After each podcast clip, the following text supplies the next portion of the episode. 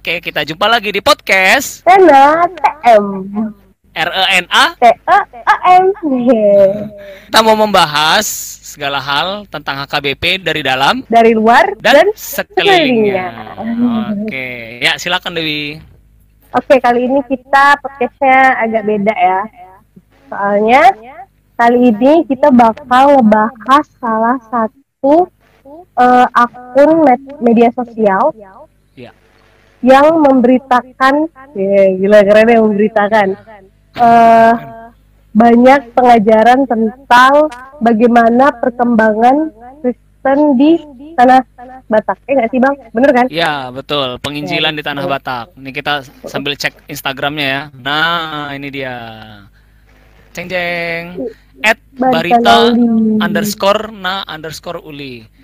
Iya, mungkin teman-teman yang yang make Instagram juga beberapa bulan belakangan ya. Aku sendiri sih kayaknya udah tiga bulan atau dua bulan deh, udah tahu ini Hmm. Instagram ini. Terus dia se- sebenarnya sebelumnya udah ada nih. Ini ini akun kedua. Sebelum Oh. sebelumnya Barita Sian Huriana Bolonia. Itu nanti kita tanya ini deh, adminnya deh. Kenapa? Oke. nih. Oke, langsung aja kita perkenalkan kita udah satu room bareng adminnya. Halo admin. Halo semua, Oh, yeay. Yeay. Sa- salam sehat selalu ya. Iya, sehat selalu Oh, iya. admin. Halo, admin. Ya. Eh, boleh perkenalkan diri dulu nih adminnya. Ya, wala- walaupun bukan identitasnya tapi sekalian perkenalkan eh, Instagram Barita Naulinya juga. Oke, ya.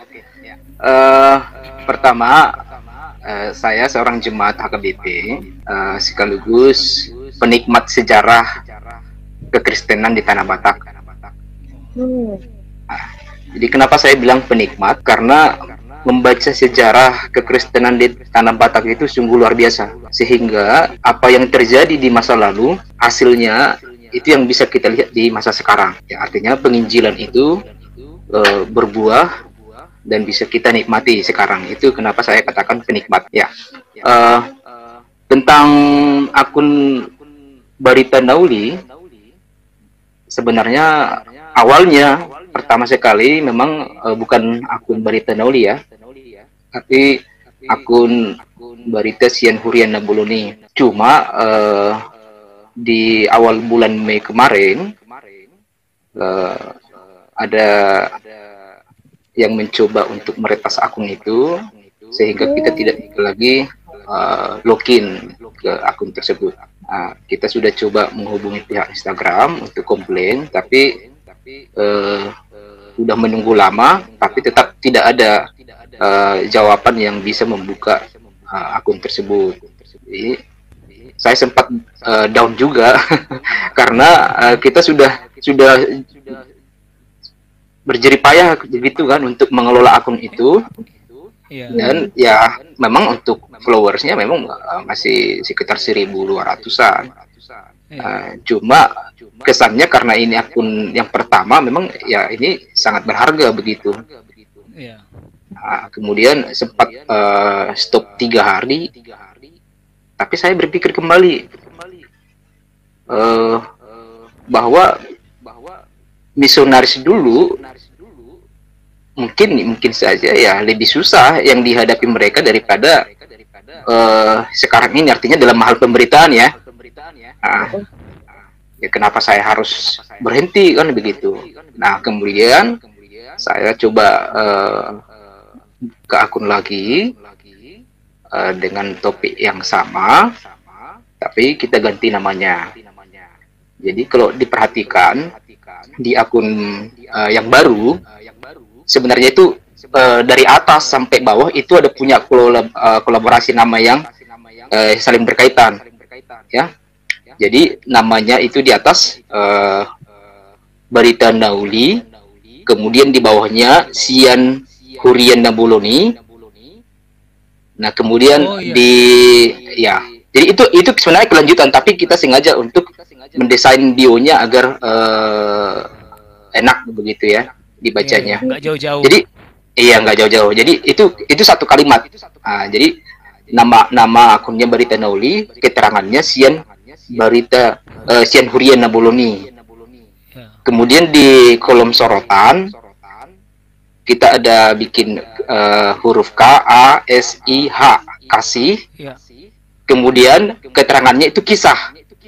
Oh. Itu juga itu juga ada artinya. Jadi kasih yang mengkisahkan.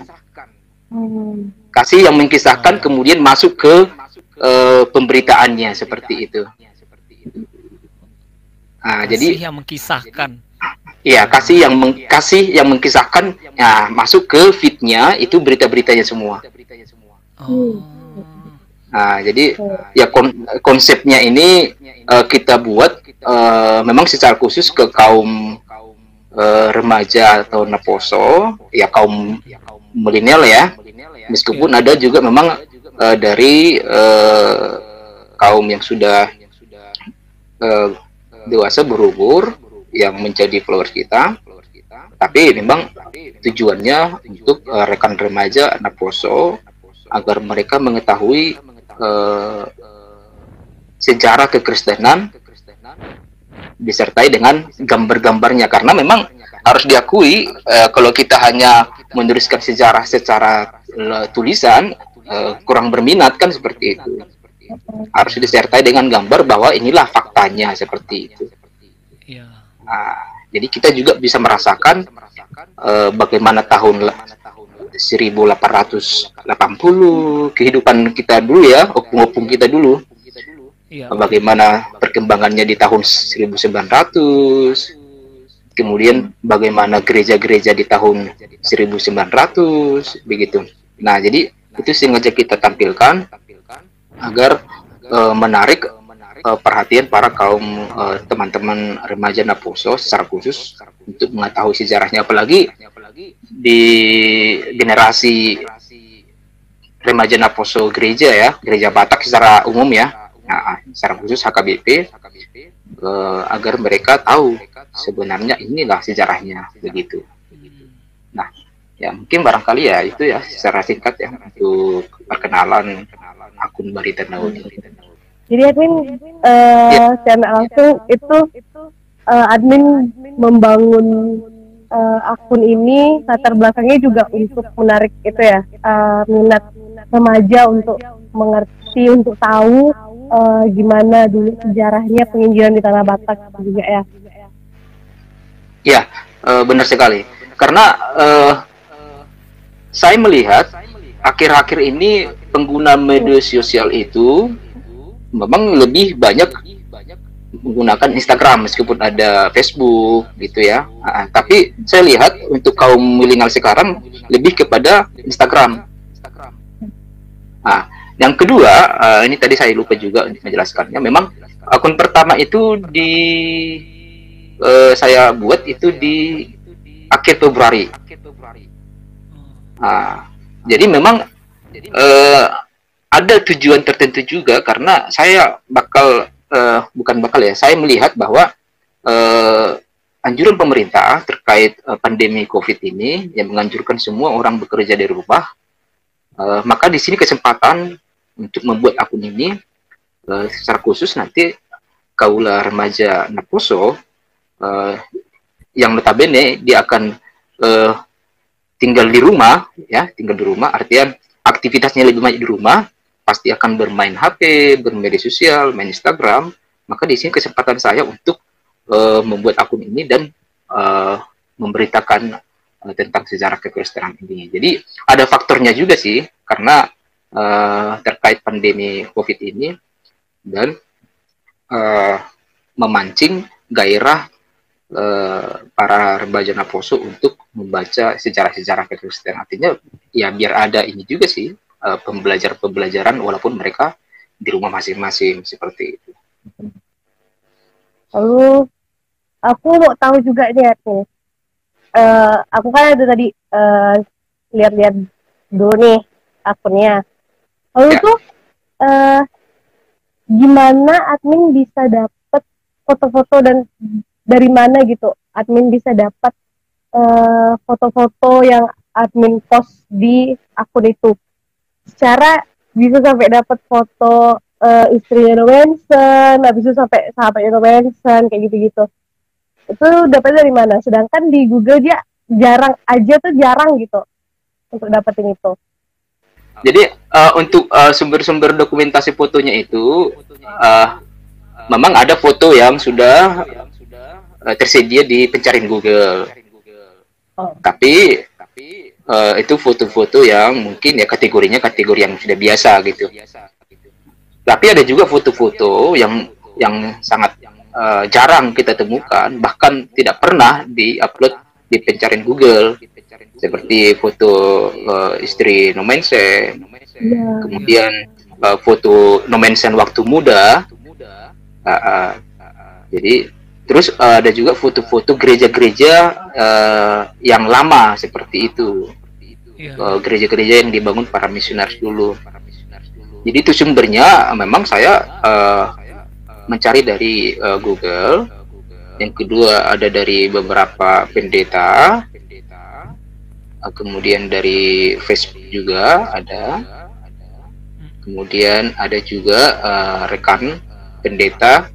Uh, dia pendeta yang sedang bertugas di Jerman seperti itu. Jadi memang dokumentasi-dokumentasi uh, tentang sejarah um, penginjilan dulu di tanah Batak itu memang tersimpan di uh, Jerman. RMG ya di RMG. Iya, uh, arsip uh, dulu namanya RMG ya. Sekarang uh, sudah ya. berubah nama menjadi uh, WEM. Uh, jadi semua data-data baik tulisan-tulisan para misionaris berupa berita atau laporan-laporan penginjilan mereka dulu itu uh, tersimpan rapi di Jerman seperti itu. Tapi memang ya akses untuk mendapatkan sumber itu di Jerman juga ya tidak boleh asal-asalan kan? Ya tentu harus punya izin dan uh, kepentingan uh, akademis atau ilmiah seperti itu. Tapi ada juga memang situs-situs yang menyediakan galeri-galeri uh, tentang kehidupan orang Batak dulu uh, setidaknya kita juga bisa mendapatkan sedikit informasi tentang sejarah kekristenan. Uh, misalnya ada situs uh, Belanda, uh, tapi terakhir ini saya lihat sudah tidak aktif lagi. Kemudian ada ada, ada situs uh, dari Universitas Leiden, ya namanya KI uh, KITLV Kitlif. Hmm. Iya. Tapi ya kita juga harus jeli untuk uh, mencari yang berhubungan dengan uh, penginjilan karena iya. situs itu menyediakan dokumentasi-dokumentasi secara kehidupan orang Batak secara umum seperti itu. Wow, effortnya tinggi juga ya.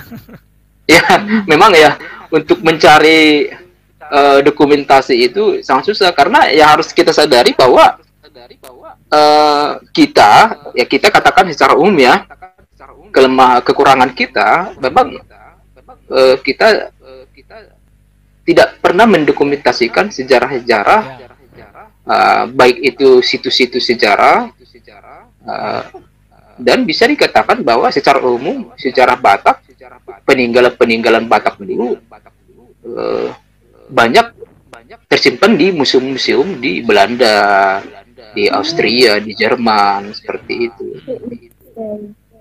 dibandingkan dengan di, di kita orang Batak sendiri begitu. Iya, nah, betul. Kan memang baru mulai ya uh, admin ya. Ya, ya. Uh, benar-benar benar-benar hanya sendiri aja tapi ya berarti ya yang ngerjakan akun ini. Ya, saya bekerja sendiri. Selain, ya, kalau, tadi kan teman yang sedang ada di Jerman berarti itu tuh uh, fungsi membantu aja kan?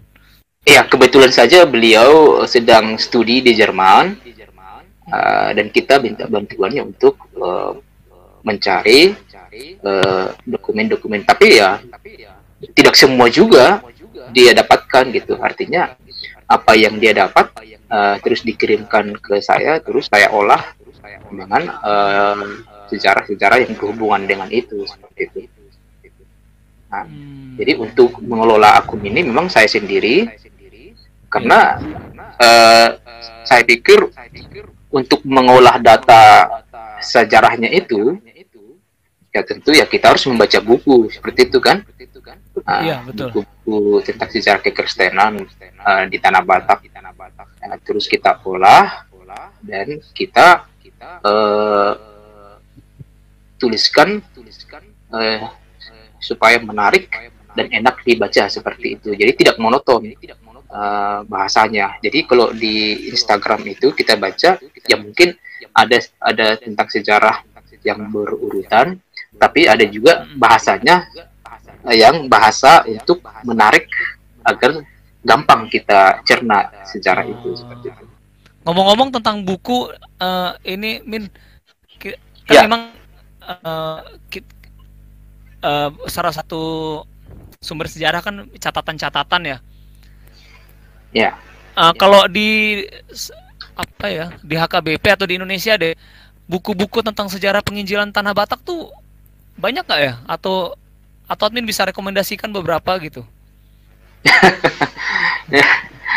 jadi uh, sebenarnya cukup banyak cuma kendala kita bahwa buku itu tidak diperjualbelikan lagi seperti itu oh. uh, ya banyak buku-buku uh, yang dituliskan misalnya uh, dituliskan pendeta Dr. Andar Lubantobi uh, kemudian buku-buku yang diterbitkan oleh pendeta Dr. Huta Galung. Uh, yang terakhir ini muncul dari Amang Pendeta JR Hutauruk, mantan Ekorus HKBP. Kebetulan karena beliau juga seorang ahli sejarah. Uh, okay. gitu. Jadi banyak sebenarnya uh, referensi kita untuk menggali tentang sejarah kekristenan di tanah Batak. Cuma yeah. uh, kelemahan kita bahwa buku-buku itu sangat susah ditemukan seperti itu. Iya betul. Ini tadi yang admin sebutkan semua terbitan percetakan HKBP ya? Oh bukan, uh, yang untuk buku-buku yang saya sebutkan tadi sudah sudah terbitan umum, uh, umum ya. Tapi oh. secara umum dia penerbitnya penerbit Kristen kan begitu.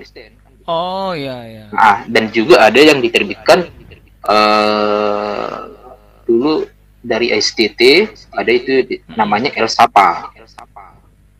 Hmm. Nah, jadi ada beberapa buku-buku, tapi memang secara umum uh, tidak bisa ditemukan di uh, toko toko buku. Seperti itu. Iya. Jadi uh, bagaimana bagaimana cara kita untuk mencari-cari buku itu ya tentu kita harus berhubungan dengan pendeta-pendeta yang senior. Betul betul. Yang punya koleksi buku-buku seperti itu. Iya. jangankan buku sejarah ya saya aja ngerasa kalau kayak buku yang teologi yang benar-benar HKBP gitu atau karya-karya karya-karya ilmiah pendeta HKBP itu kan biasanya kan cetakan uh, penerbit HKBP itu itu tuh memang nyarinya harus nanya ke pendeta langsung. Iya, tapi uh, setahu saya di percetakan HKBP di Pematang Siantar juga uh, ada seperti apa ya galerinya ya mungkin ya. Oh. Uh, dan di sana juga. Ya, iya, iya. Uh, tapi ya. ya tidak tidak terlalu banyak.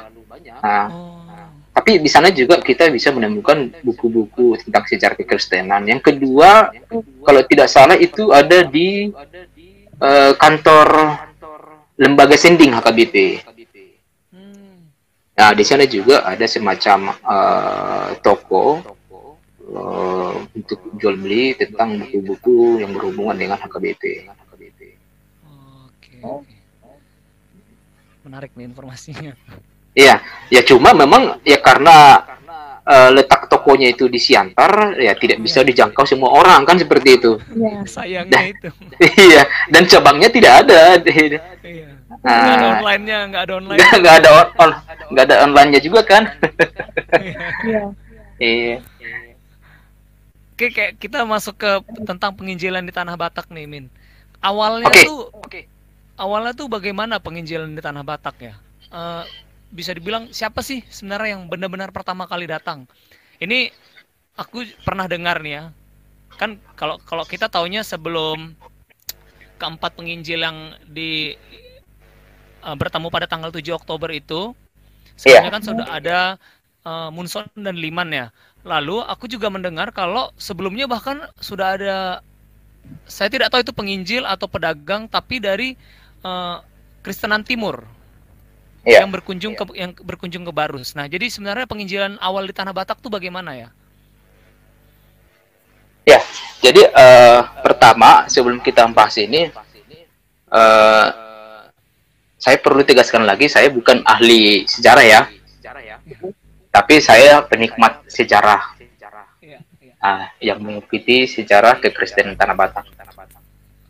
Jadi kalau kita bicara tentang kekristenan, uh, dari sumber-sumber yang kita baca, ternyata di abad yang ketujuh uh, kekristenan itu sudah tanda kutip sempat masuk ke tanah Batak.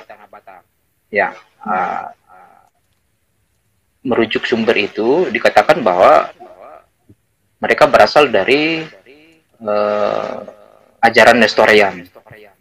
Nestorian. Ya, Nestorian. Tapi tidak banyak sumber-sumber uh, yang menceritakan atau menjelaskan bagaimana pekerjaan mereka sewaktu mereka di uh, di Barus ya, seperti di Barus ya.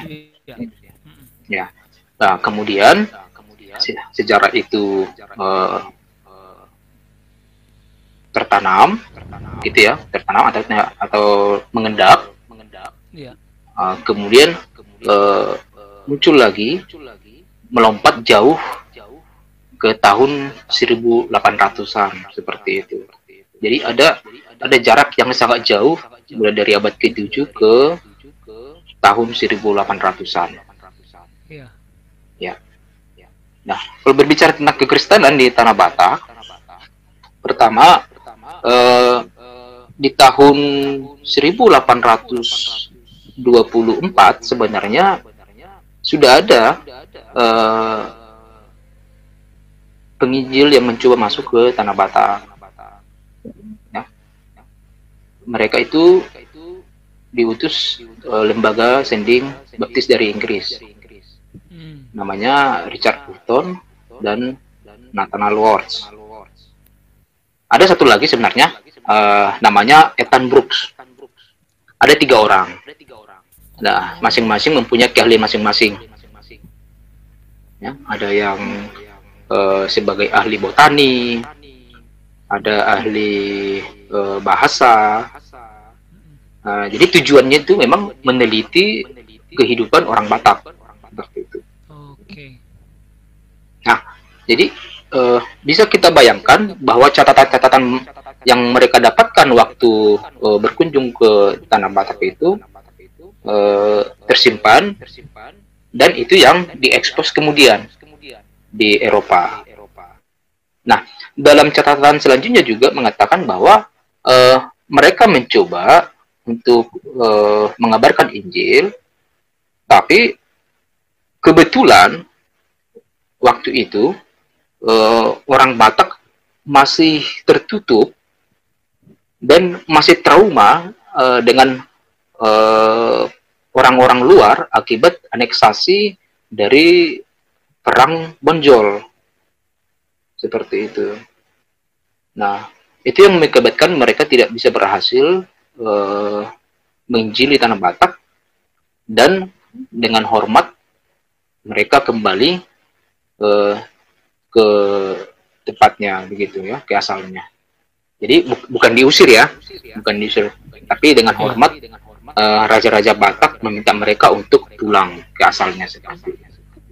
Oke. Nah, kemudian di tahun satu uh, selanjutnya, selanjutnya ya. Iya.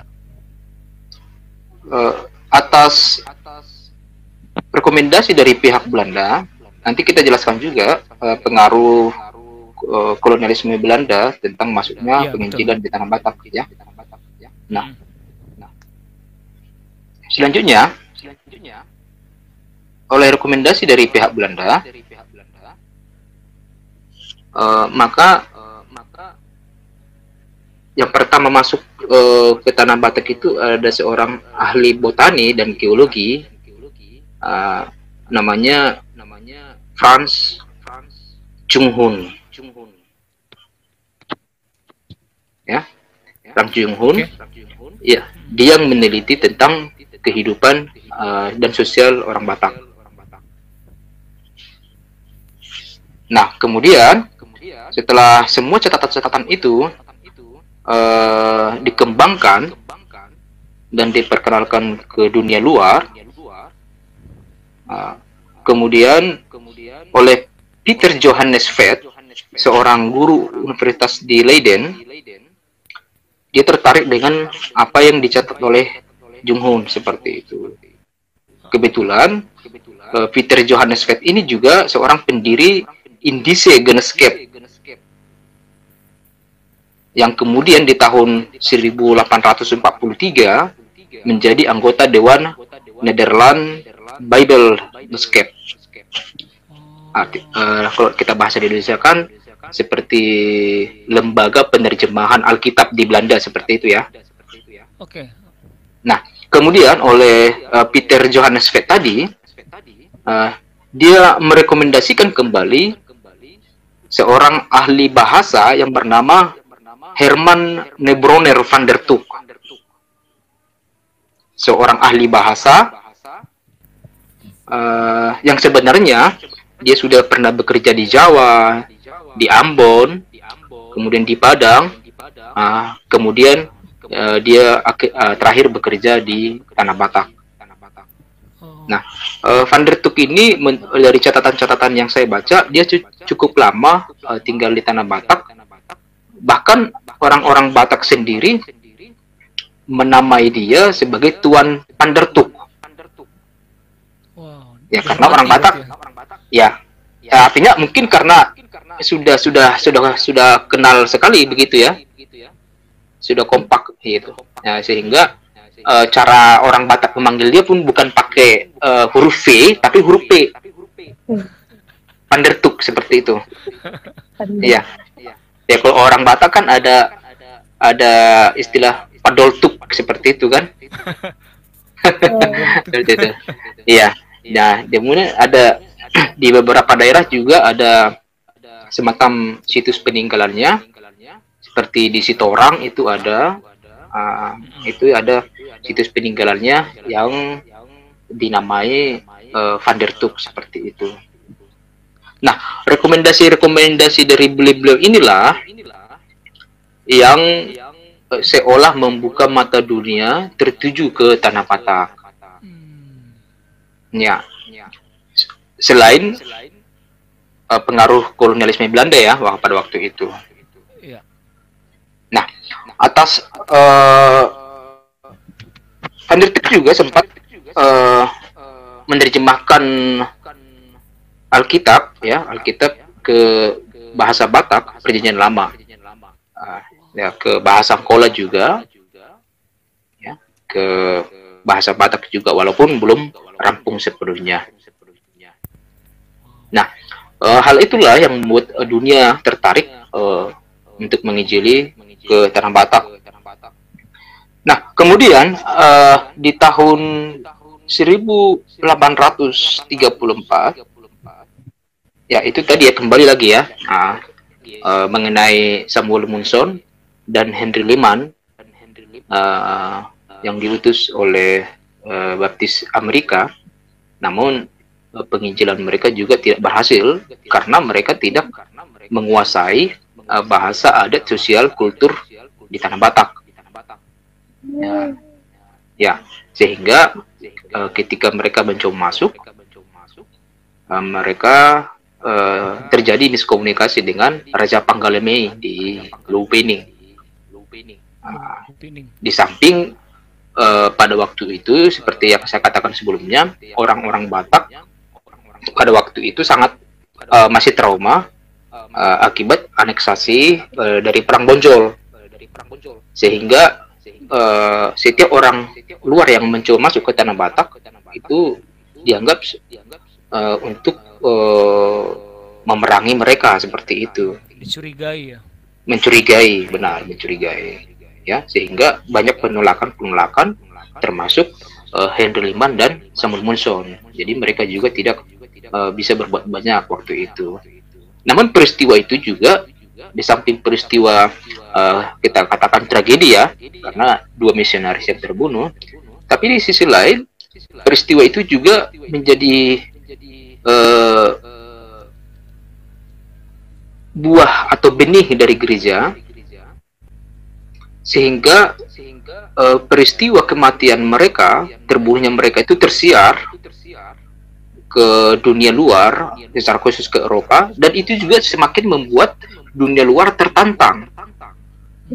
Apa ya? Apa sebenarnya di tanah Batak? Kan begitu? Uh, uh.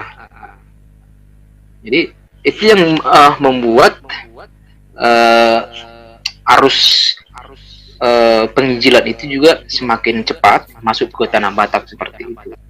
Nah, nah, jadi uh, kalau kita katakan dasar uh, penginjilan di tanah Batak, uh, itu sebenarnya sudah jauh-jauh sebelum uh, zaman uh, atau waktu Rumensen ya. Nah, bahkan sebelum Van Asel juga bekerja di Sipirok, kita katakan bahwa uh, kekristenan itu sudah ada di tanah Batak, walaupun tanda kutip belum berhasil. Uh, ada hal yang menarik yang dituliskan uh, Opui Epurus sekarang, uh, Pendeta Darwin Lubantobing, dalam bukunya itu uh, tumbuh lokal berbuah universal. Beliau mengatakan bahwa uh, waktu Richard Burton dan Nathaniel Ward ke tanah Batak, walaupun mereka tidak berhasil mengabarkan Injil, tapi uh, pendeta Darwin mengatakan bahwa mereka juga sempat berkhutbah di Tarutum seperti itu. Oh. Iya. Uh, di tahun 1820-an ya. Iya. Nah. Berarti sebenarnya uh, ini sebuah perjalanan yang panjang ya gitu sebelum sebelum narasi sejarah yang umum yang kita ketahui yaitu uh, keempat misionaris dan juga uh, Dr. E.L. Nomensen ya. Iya. Iya, ya. Artinya uh, sebelum zaman mereka uh, sudah ada beberapa misionaris yang mencoba masuk ke tanah Batak walaupun uh, belum berhasil seperti itu. Iya, iya. Ya. Termasuklah usaha-usaha penelitian kultural yang tadi ada disebutkan itu ya? Iya, uh, ya termasuk catatan-catatan uh, orang-orang yang datang ke Tanah Batak untuk meneliti, uh, mendata, bahkan ada yang sebagai turis uh, di akun saya itu sudah uh, akun berita itu sudah saya saya uh, posting itu ada Ida Peifer namanya. Seorang perempuan yang pertama yang berkunjung ke tanah Batak, pasti mereka itu menuliskan apa yang mereka lihat di tanah Batak. Nah, dan itu yang menjadi referensi bagi dunia luar, secara khusus Eropa, mengetahui uh, situasi kehidupan sosial orang Batak. Nah, lalu berikutnya kan tadi disebut uh, beberapa kali mengenai kolonialisme. Kalau ya yang yang kita tahu kan uh, mengenai uh, datangnya penjajah masuk ke Nusantara waktu itu ya belum Indonesia itu kan ada yeah. semangat gold gospel and glory gitu kalau yang saya tahu yeah. dari buku-buku yeah. sejarah zaman sekolah tuh kayak gitu yeah. nah Benar. apakah semangat serupa ini juga juga ada gitu waktu uh, penginjilan masuk ke tanah Batak terus gimana sih keterkaitan antara gerakan penginjilan dengan kolonialisme karena kan sebenarnya penginjil ini di, di, diutus oleh badan-badan zending kan badan-badan penginjilan mereka bukan diutus oleh pemerintah yang dari dari sana misalnya entah itu pemerintah Belanda itu bukan bukan mengutus mereka atau seperti yeah, sebenarnya yeah, bagaimana yeah, Min? Ya, yeah. jadi memang uh, kebetulan uh, masa puncak penginjilan itu terjadi di tahun 1800-an. Yang pada saat yang sama muncul gerakan imperialisme. ada ada beberapa itu ya uh, imperialisme rasisme nasionalisme dan kolonialisme Nah, jadi makanya kalau kita berbicara tentang sejarah, kita harus berbicara tentang konteks pada waktu itu. Artinya kita tidak boleh uh, menarik konteks sejarah pada masa lalu kita kaitkan dengan masa sekarang. Nah, uh, yang saya maksud adalah jika pada masa itu uh, pada masa imperialisme dan kolonialisme penjajahan bagi sebuah bangsa-bangsa atau secara umum dunia itu adalah sesuatu yang sah. Ya. Ya, itu sah. Artinya pada saat, uh, itu. pada saat itu kita berbicara konteks ya. Iya, iya. Uh, berbicara konteks. Ya, karena sebuah bangsa bisa menjajah bangsa-bangsa yang belum merdeka seperti itu. Ya. Uh, termasuk uh, Belanda yang datang ke Indonesia. Nah, itu konteksnya ya. Artinya kalau kita kaitkan sekarang, ya penjajahan itu salah kan seperti itu. Iya. Nah, tapi pada zamannya itu, ya itu yang saya katakan tadi, imperialisme, kolonialisme, rasisme, dan nasionalisme, uh, itu sangat kuat pada tahun 1800-an. Nah, dan pada saat itu juga memang uh, penginjilan juga semakin uh, marak-maraknya seperti itu. Nah, uh, berbicara tentang uh, kolonialisme, yang dikatakan tadi ya pasti sim, uh, simbol mereka atau tujuan mereka itu ya itu tadi ya tiga tadi ya. Uh, gold, glory dan gospel. Seperti itu. Itu berkaitan. Nah, dan memang uh, penjajah dalam tanda kutip ya, ya. Mereka selalu membawa yang ketiga hal itu. Bisa kita lihat misalnya sejarah kekristenan secara umum di Indonesia atau di Nusantara waktu Portugis masuk ke Maluku uh, kemudian uh, Spanyol kemudian Inggris uh, mereka tetap membawa yang ketiga hal ini seperti itu. Ya makanya di Ambon itu ya karena Portugis sama Spanyol itu uh, menganut paham ajaran Katolik sehingga di sana lebih dominan Katolik kan seperti itu. Iya, iya, uh, di Nusa Tenggara juga seperti itu. Uh, mereka juga dibawa oleh uh, Portugis seperti itu. Nah, tapi uh, kembali ke ke apa yang kita bahas tadi bahwa uh, misionaris-misionaris ini tidak pernah sama sekali uh, menggunakan atau memperalat uh, kolonialisme Belanda waktu itu untuk menginjili uh, secara khusus di tanah Batak seperti itu. Nah, ada ada sejarah yang juga memang harus kita lihat dari sisi lain. Uh, jangan hanya melihat dari sisi politik dan uh, perang uh, waktu itu. Nah, uh, masuknya uh, misionaris ke tanah Batak itu juga akibat dari uh, perang Bonjol. Ya, itu juga harus kita lihat dari sisi itu. Uh, ada hikmahnya juga ketika terjadi perang sebelum perang Bonjol ya uh, di Minangkabau itu di Sumatera Barat itu sudah terjadi perang saudara dulu di situ. Ya, ada uh, dari kerajaan uh, Pagaruyung dengan uh, penganut paham Islam Wahabi. Uh, kerajaan Pagaruyung kalah, uh, kemudian mereka meminta tolong kepada Belanda agar uh, kerajaan mereka dikembalikan lagi, dan uh, akhirnya Belanda masuk ke Sumatera Barat seperti itu ke Padang. Nah, kemudian aneksasi dari perang Bonjol di tanah Batak, ya itu juga membuka uh, kesempatan Belanda masuk ke tanah Batak. Masuk tanda kutip bukan untuk ke menjajah ya, menjajah. Bukan. Karena uh, di tahun 1833 itu sudah uh, keluar yang namanya uh, understanding politik dari pihak Belanda bahwa mereka tidak akan memperluas wilayah jajahannya lagi seperti itu. Nah, kalau kita bisa uh, membaca secara kembali bahwa di tahun 1833 uh, Belanda sudah menguasai Sumatera Selatan dan Jambi. Namun di pada waktu itu juga sekaligus dikeluarkan sebuah maklumat yang bernama outstanding politik.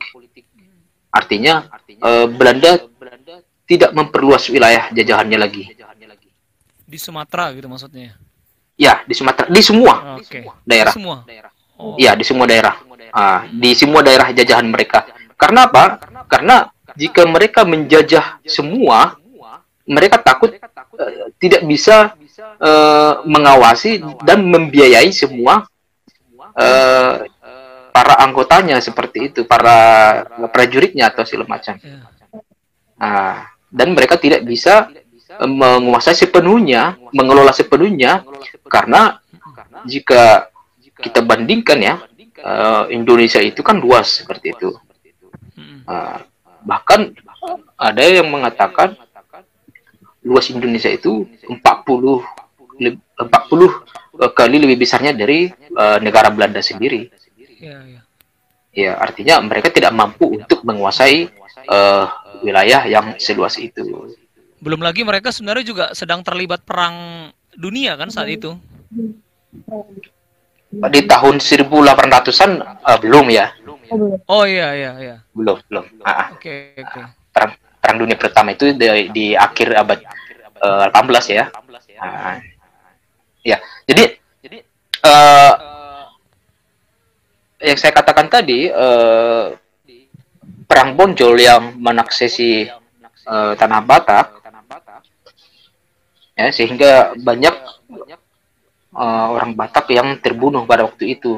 Dan bahkan ada beberapa catatan-catatan yang mengatakan bahwa itu sudah termasuk uh, genocide. Ya, uh, ada yang mengatakan seperti dalam buku uh, Tuan Kurau itu mengatakan ada sebanyak 200 ribu orang Batak waktu itu mati. Ya, jadi uh, aneksasi uh, Tuan Kurau itu juga itu berlangsung dan sebenarnya ingin mengislamisasi dan menduduki tanah Batak. Itu tujuannya. Iya. Nah, dan mereka tidak berhenti. Seandainya ya pada waktu tidak ada wabah atau penyakit yang terjadi di tanah Batak. Ya, dalam buku uh, Bungaran Semajuta mengatakan bahwa akibat uh, perang Padri atau perang Bonjol yang mengakibatkan uh, hampir kurang lebih 200 ribu orang Batak yang mati terbunuh waktu itu, mayat-mayatnya tidak sempat dikubur, dibuang ke sungai dan uh, tergeletak seperti itu saja, itu yang mengakibatkan wabah penyakit yang terjadi di tanah Batak. Nah, jadi uh, saya katakan tadi uh, perang Padri itu yang mengakibatkan orang Batak uh, mati banyak, iya. sekitar 200 ribuan. Mereka tidak dikubur, mayat-mayatnya dibuang ke sungai, tergeletak seperti itu. Nah, itu yang menimbulkan wabah penyakit di tanah Batak. Bahkan uh, di antara prajurit-prajurit uh, Padri waktu itu juga terserang penyakit itu semacam kolera, disentri, cacar segala macam sehingga itu yang membuat mereka mundur dan kembali ke ke Sumatera Barat seperti itu. Sumatera Barat. Ya, jadi bukan karena uh, di samping perlawanan uh, dari orang Batak sendiri, ya. ya penyakit itu juga yang mengakibatkan mereka uh, menyerah dan mundur ke tanah Batak. Nah, uh, faktor itu juga harus kita bisa uh, harus kita lihat sebagai faktor pendorong uh, misionaris datang ke tanah Batak. Nah, seperti yang saya sampaikan tadi, uh, seperti uh, Frans Jumhun, kemudian Van der Tuk, itu menulis semua keadaan terjadi di Tanah Batak. Nah, sehingga uh, mereka merekomendasikan agar uh, Tanah Batak harus diinjili seperti itu. Dalam dalam arti uh, dari segi kehidupan kemanusiaan orang Batak harus di, disembuhkan seperti itu. Ya, diselamatkan. Diselamatkan. Nah, di samping tadi ada unsur politiknya juga ya. Politiknya juga ya. Iya, nah, iya. Kena, kenapa tanah Batak harus diinjilkan? Karena tanah Batak itu merupakan poros antara kerajaan Aceh dan kerajaan Minangkabau. Ya. Uh, sedangkan uh, kerajaan Aceh itu hampir tidak tersentuh oleh kolonialisme Belanda pada waktu itu dan uh, Minangkabau juga uh, sangat susah untuk ditaklukkan oleh Belanda. Maka uh, sebagai jalan tengah uh, tanah Batak harus diinjili seperti itu. Hmm. Nah, jadi jadi banyak faktor-faktor yang membuat ya. penginjilan itu masuk ke tanah Batak. Jadi uh, Uli Kojok juga dalam bukunya itu uh, utusan damai di kemulut perang bukunya bagus cuma beliau hanya melihat dari sisi politik dan uh, dari sisi kolonialisme ya, dia tidak melihat dari sisi kehidupan uh, sosial orang Batak pada waktu itu orang Batak sungguh-sungguh memerlukan uh, pengobatan akibat wabah penyakit pada waktu itu. Nah, jadi tidak heran uh, kedatangan misionaris ke Tanah Batak bukan hanya sekedar untuk memberitakan Injil, tapi yang pertama-tama yang mereka lakukan itu adalah kesembuhan. Misi kemanusiaan. Misi kemanusiaan, benar. Aku mau nanya sedikit sih tadi, kalau misalnya uh, tulisan-tulisan hasil eh hasil-hasil tulisan misionaris itu tuh ada nggak sih sainannya di tanah Batak? Maksudnya uh, laporan-laporan dari misionaris itu ya? Iya. Iya. Selama mereka ada di tanah Batak, kan? Mereka tuh ada punya salinan gitu nggak sih di tanah Bataknya sendiri? Oh. Oh, oh ya, oke. Okay. Jadi uh, untuk salinannya ya saya kurang tahu ya. Uh, karena yang pasti salinan itu, yang aslinya itu juga masih tersimpan di arsip Wuppertal di Jerman. Mungkin ada beberapa yang mempunyai itu, tapi itu sudah dalam bentuk uh, salinan atau fotokopi. Uh, oh. Untuk keperluan uh, itu pun hanya untuk keperluan akademis dan ilmiah seperti itu. Hmm.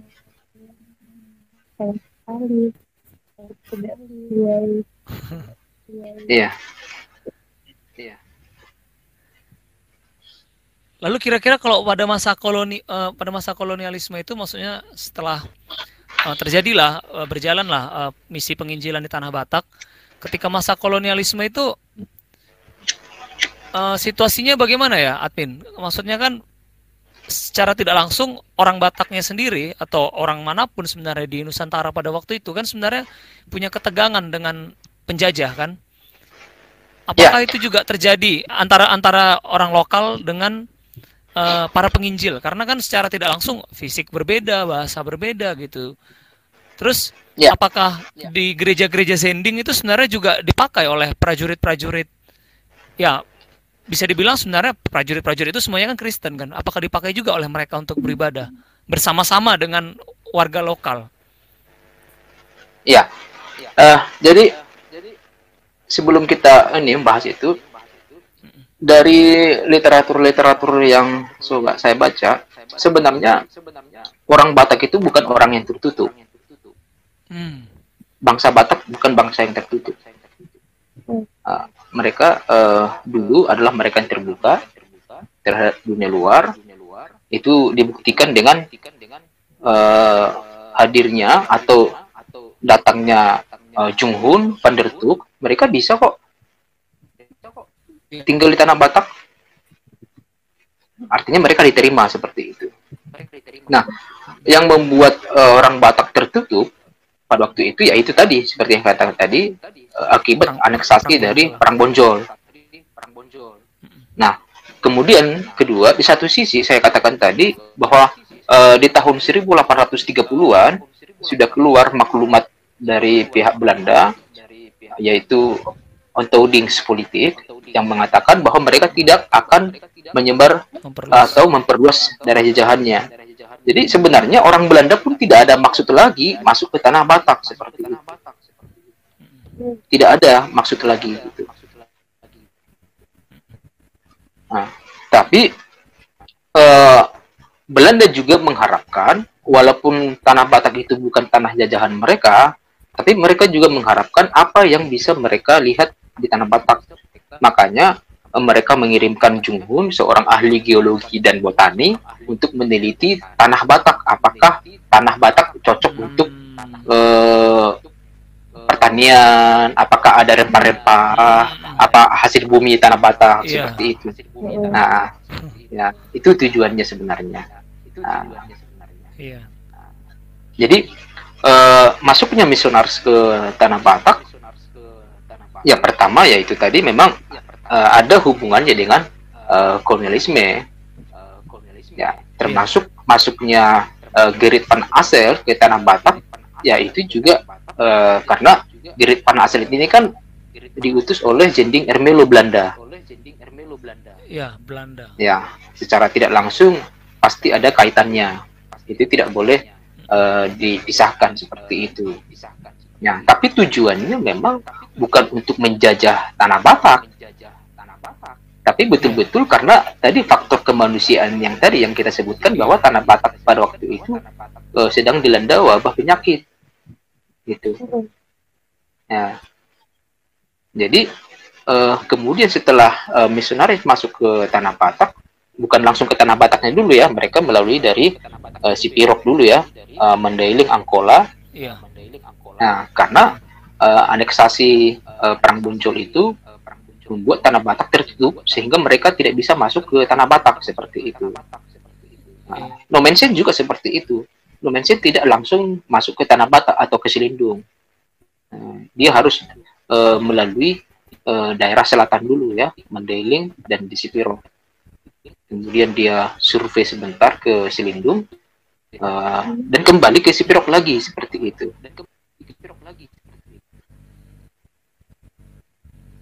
Ya, okay. jadi uh, masuknya uh, ya dia uh, lost lagi.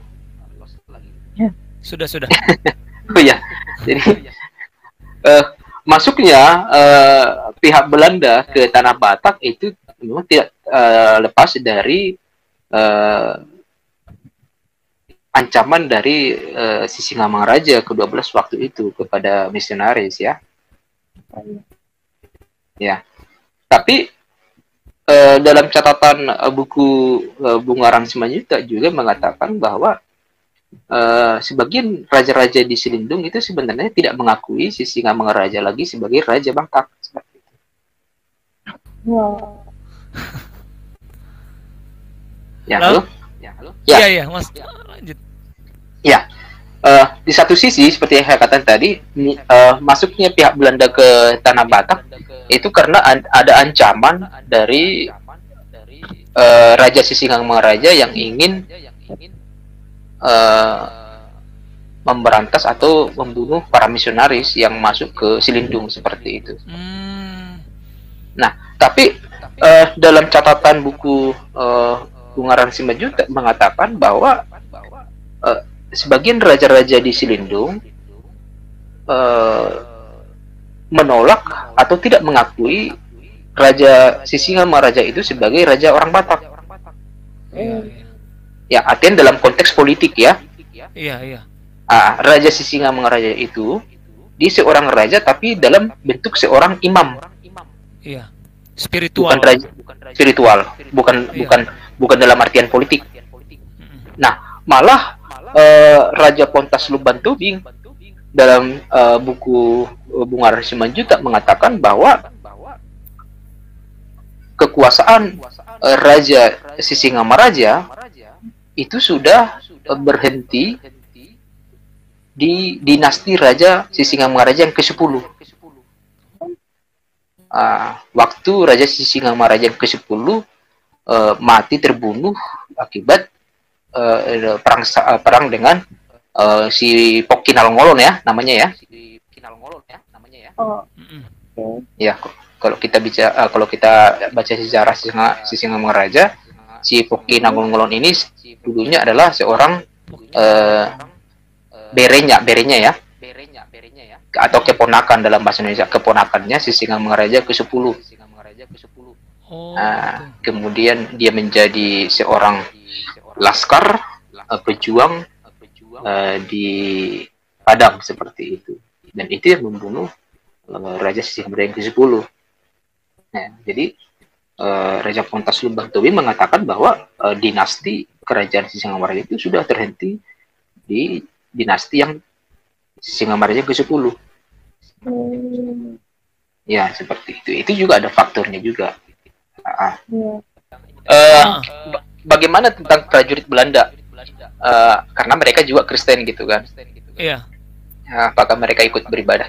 Ya memang ada itu uh, soalnya di salah satu postingan hari Natal bareng-bareng di dalam gedung gereja. Iya, uh, ya pasti mereka juga ikut uh, beribadah bersama seperti itu. Mm -hmm. Tapi tidak tidak banyak catatan-catatan uh, yang mengatakan bahwa mereka itu prajurit atau keluarga atau bahkan dari keluarga dari misionaris seperti itu. Uh, gitu. Ditambah lagi memang ya seperti yang saya katakan tadi bahwa uh, pangkalan militer orang Belanda di Tarutung itu dibandingkan di Sibolga atau di Padang sangat kecil. Dalam artian, ya dalam artian uh, pada saat misionaris uh, bekerja di Silindung uh, bisa dihitung berapa prajurit Belanda yang prajurit, iya. ya yang ada di sana seperti itu. Kadang-kadang seperti yang pernah disampaikan oleh Nomensen bahwa mereka butuh bantuan perlindungan dari pihak Belanda dan uh, perlindungan itu prajurit itu harus dikirim dulu dari Sibolga seperti itu. Hmm. Nah, jadi hampir hampir uh, uh, bis, uh, bisa kita katakan bahwa uh, tidak ditemukan adanya prajurit-prajurit uh, Belanda uh, yang sedang uh, atau yang berada di uh, zona pelayanan misionaris pada waktu itu. Misionaris pada waktu itu. Oke. Okay. Dewi? Aku eh enggak apa ya? Aku nanya intermezzo. Ya. Gak apa-apa. Dengan uh, sebelum nge-mention itu kan ada empat misionaris tuh admin yang ya. datang ke Tanah Batak, bener kan? Dari ya. Zending yang Belanda juga dari mission dari Jerman. Iya. Nah, ini intermezzo doang ya admin ya? Nggak, nggak apa-apa. jadi, emang bener ya HKBP itu kepanjangan dari nama empat visionaris itu. Nama-nama. Ya, ya secara de facto memang ya kita tidak bisa membuktikan itu ya. Uh, karena kebetulan memang nama mereka awalan dari nama mereka memang itu yang menjadi uh, yang membentuk kata HKBP seperti itu. Ya.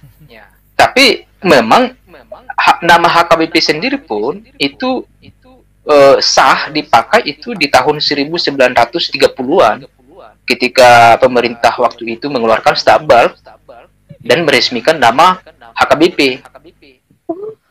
Ya, jadi awal ya awalnya uh, di tanah Batak oleh misionaris itu uh, menamakan uh, dengan Huria Batak, Uh, kemudian ada ada Batak Mission, kemudian Huria Batak Protestan.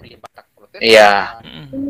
Nah, dan nama-nama itu yang berkembang, kemudian uh, pemerintah kolonial Belanda waktu itu mengeluarkan stakbal.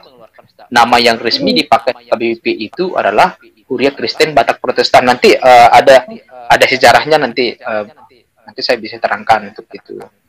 Nah, uh, tapi ya secara kebetulan juga kita katakan bahwa uh, para misionaris, empat misionaris yang me mengadakan rapat pada waktu itu memang uh, nama mereka bisa digabung sehingga muncullah kata HKBP seperti itu. Ya mungkin itu sesuatu uh, anugerah atau pemberian dari Tuhan ya mungkin ya. Iya sehingga ya bisa membentuk uh, kolaborasi nama HKBP seperti itu. Iya, iya. iya Lalu ya. uh, uh, kita kita coba beralih ke uh, Nomensen ya, Min. Tadi aku baru ya. lihat snap itu dari Barita Nauli. Ini hari ini tepat hari ini ya? Ya, benar hari ini tahun ke 100 berapa ya? 103 atau 102? 102 wafatnya Manson. Iya. Yeah. Pas banget ya. Nah, aku mau tahu dong Nomensen itu siapa sih? Sebenarnya dari tadi kita kan udah nyebut-nyebut Nomensen gitu, admin. Sebenarnya Nomensen yeah. itu iya. siapa? Iya. Yeah. Jadi, jadi uh, penilaian saya, Pak Numensen, memang itu suatu anugerah Tuhan kepada tanah Batak seperti itu. Uh, di saat di saat tahun kematian Henry Liman dan Samuel Munson di tahun 1834 mereka meninggal dan di saat di tahun yang sama juga Tuhan uh, mendatangkan sosok misioner di Tanah Batak. Itulah tahun kelahiran Nomensen.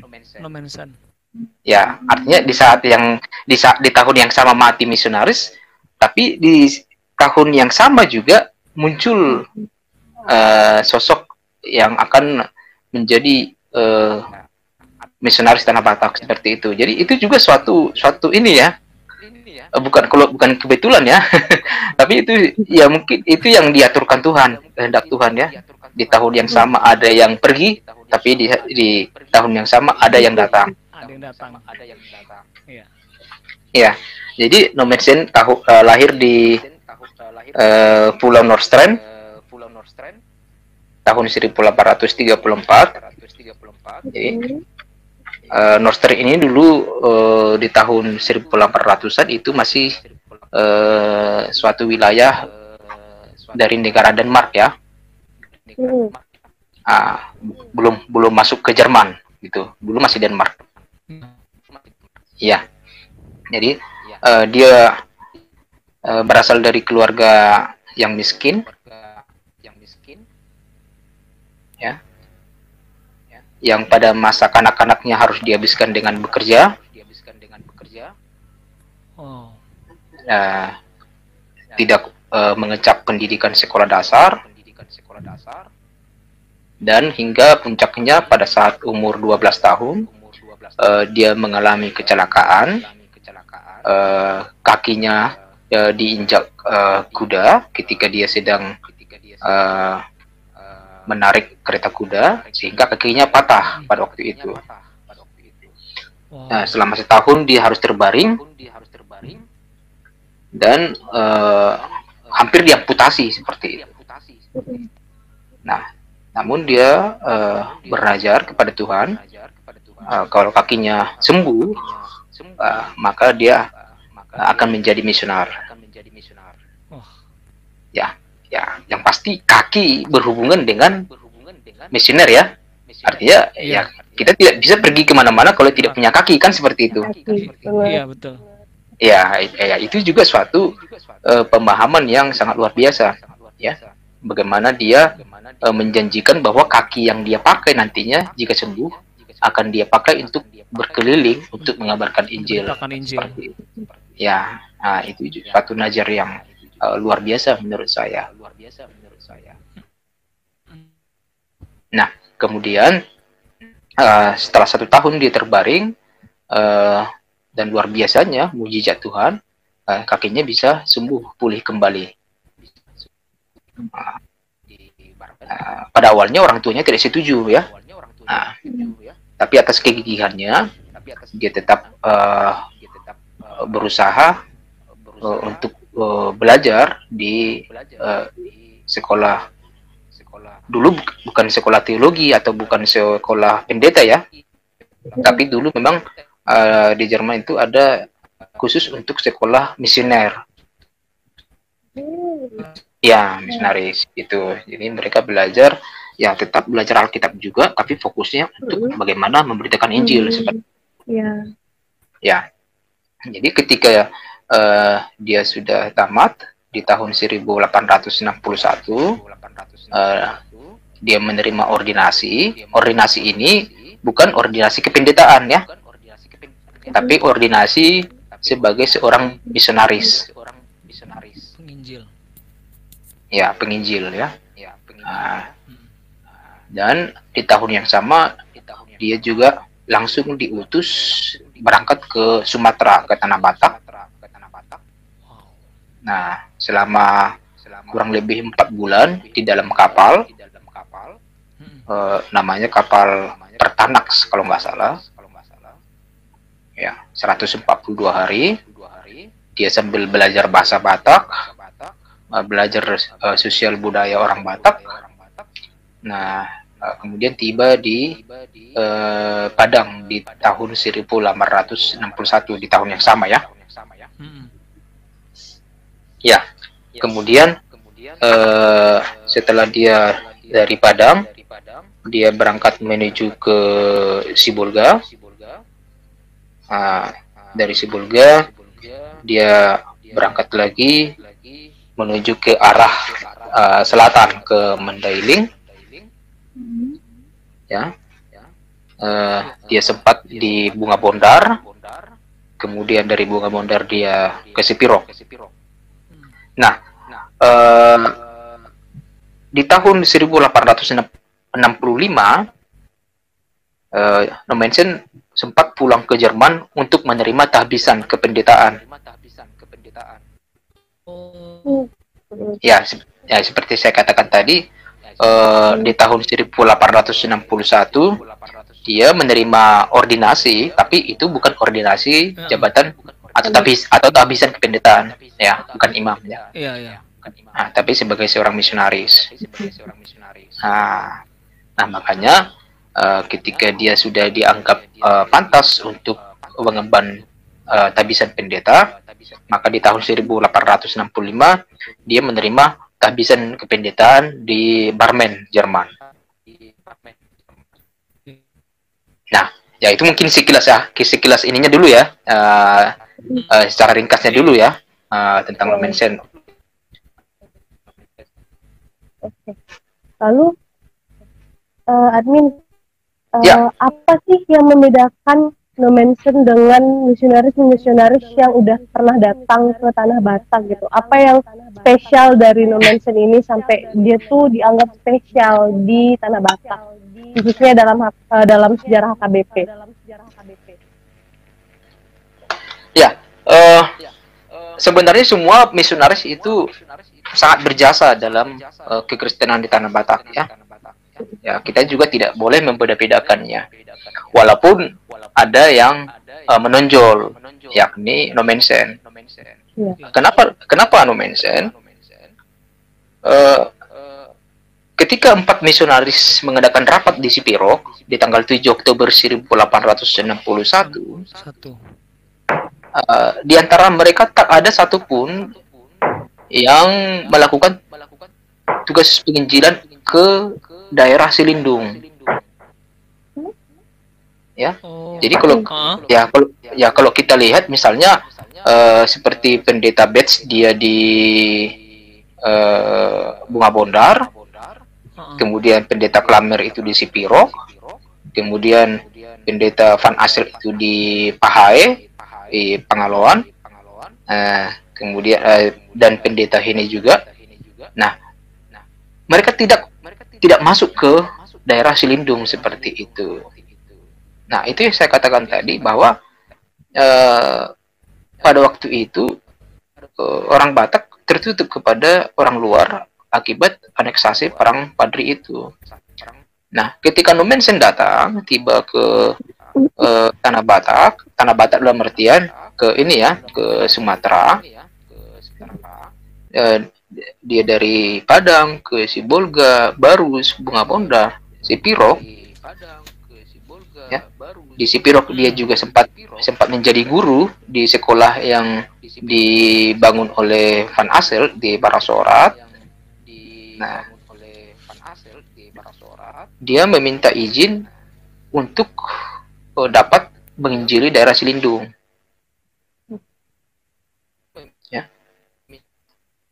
Awalnya dia ditolak dan tidak diberi izin karena uh, daerah Silindung itu uh, daerah yang berbahaya seperti itu. Nah, makanya ketika dia datang uh, uh, hadir di Silindung dan dia berdiri uh, di di puncak bukit Siatas Barita. Itulah awal dia melihat uh, lembah Silindung yang begitu sangat indah dan dia di sana berdoa dan berjanji uh, hidup dan matinya akan diserahkan ke uh, tanah Batak seperti itu. Iya. Ya. Tapi setelah itu dia kembali ke Sipirok lagi. Nah, uh, mungkin untuk merencanakan strategi penginjilannya atau untuk mengusahakan izin agar dia diperbolehkan masuk ke Silindung ya tapi yang pasti dia belum masuk langsung ke Silindung seperti itu oh ya, saya kira masih selama ini yang terjadi selama ini ya. terjadi ketika ya. dia kan di salib kasih itu kan ada tempatnya kan Iya benar ya. Saya kira selama ini dia berdoa di situ langsung turun habis itu. Hmm. Belum belum. Oh, ya. Oke, okay, oke. Okay. Uh, artinya uh, dia survei dulu seperti itu ya. Oh, Kalau pas iya, sekarang iya. ya, observ iya, observasi iya. dulu ya. Observasi. Ya, observasi dulu.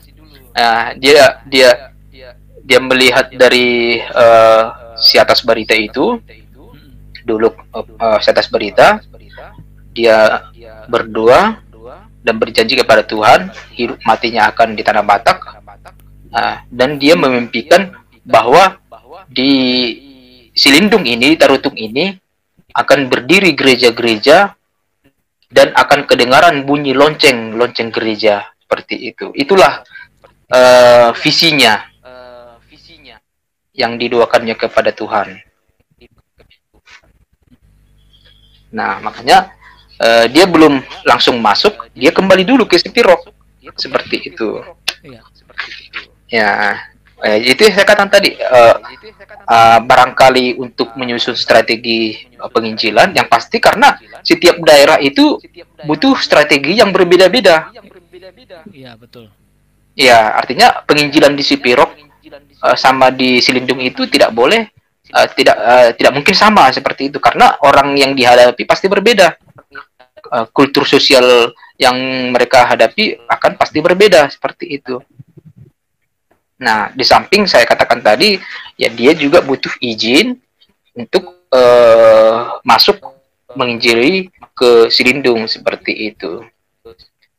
Nah, di masa kedua, uh, dia masuk ke Silindung, uh, dia juga uh, belum langsung diterima, uh, artinya dia belum diterima kehadirannya di Silindung. Nah, raja-raja di Selindung pada waktu itu.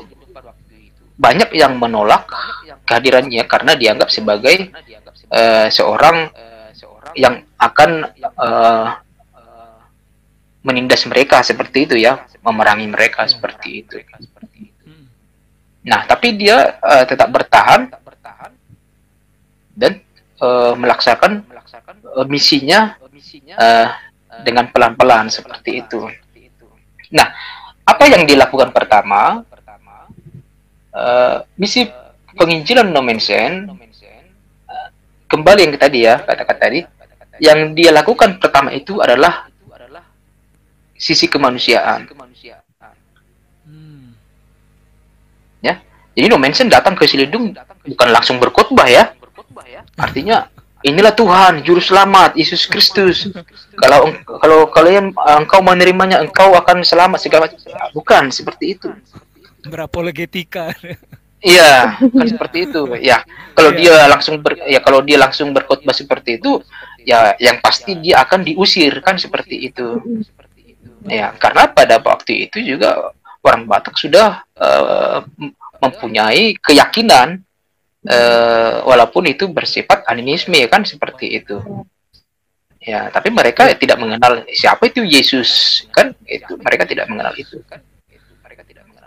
Nah, pendekatan-pendekatan yang dilakukan uh, Nomensen juga kepada orang Silindung ya pendekatan secara humanis. Ya pendekatan secara humanis. Hmm. Nah, seperti yang saya, kata, saya katakan tadi bahwa uh, akibat aneksasi perang Boncol sih uh, yang uh, mendatangkan wabah penyakit pada saat itu juga banyak uh, di antara orang-orang di Silindung yang uh, sakit uh, wabah itu seperti itu. Nah, termasuk uh, istri Raja Amandari, uh, kalau kita masuk ke sejarahnya ya. Nah, iya. Perkenalan Nomensen dengan perkenalan Nomensen dengan Raja Amandari itu juga berawal dari uh, sembuhnya uh, istri Raja Amandari oleh Nomensen.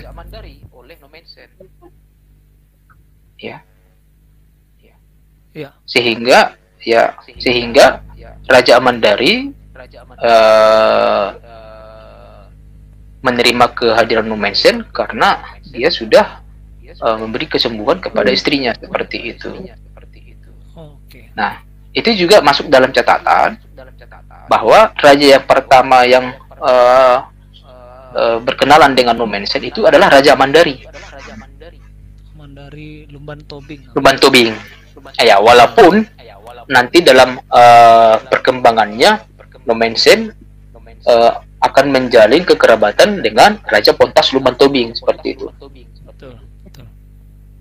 Ya, nah jadi uh, perkenalan dari Nomensen dengan Raja Amandari ini uh, membuahkan hasil yang baik sehingga Raja Amandari memberikan lahan tanah untuk dijadikan domensen perkampungan. Nah, itulah yang kita kenal dengan uh, kampung Utadame. Utadame. Ya, Utadame. Nah, uh, siapa yang menghuni perkampungan Hutadame? Yang menghuni perkampungan Hutadame adalah orang-orang yang uh, dipinggirkan atau yang dimarginalkan pada waktu itu. Dimarginalkan pada waktu ya mereka yang diusir karena uh, penyakit penyakit. Ya artinya karena penyakit itu takutnya menular seperti itu ya. Sehingga mereka diusir ya. Dalam dalam sosial orang Batak dulu ya itu masih terjadi. itu masih terjadi. Ya. Iya, iya. keluarga sendiri pun diusir jika itu membawa penyakit. Karena penyakit itu dianggap sebagai kutukan seperti itu. Iya. aib ya. nah nah aib. Jadi mereka harus diasingkan. Nah, itulah yang ditampung oleh Numensen dan diberi kehidupan yang layak di perkampungan Hutadame itu. Nah, nah di perkampungan Hutadame itu mereka-mereka yang uh, penyakitan tadi disembuhkan oleh Nomensen, ya. Kemudian uh, itulah yang memancing reaksi orang-orang lain uh, ingin datang kepada domain Jadi mereka datang kepada domain sen itu pertama-tama bukan untuk untuk mendengarkan uh, khotbah domain sen, bukan. Tapi ya. mereka ingin mendapat pertolongan juga, kesembuhan juga melalui domain sen. Kesembuhan juga. Mm Pengobatan ya. Pengobatan. Nah, jadi semakin banyak setiap hari semakin banyak, semakin banyak. Nah, uh, dalam kesempatan itulah No Mention mencoba untuk ya ini memberitakan bahwa semua kesembuhan yang mereka terima itu adalah berasal dari Tuhan. Ya. Nah, di, di situ masuknya Mention. Okay. Jadi apa yang dikembangkan? Yang pertama itu uh, kesehatan, kesehatan di Hutadama itu ya kesehatan, kemudian pendidikan, pendidikan, kemudian perekonomian itu termasuk pertanian, uh, sehingga ya orang-orang uh, yang datang ke Nomensen pada waktu mendapat suatu pencerahan yang baru.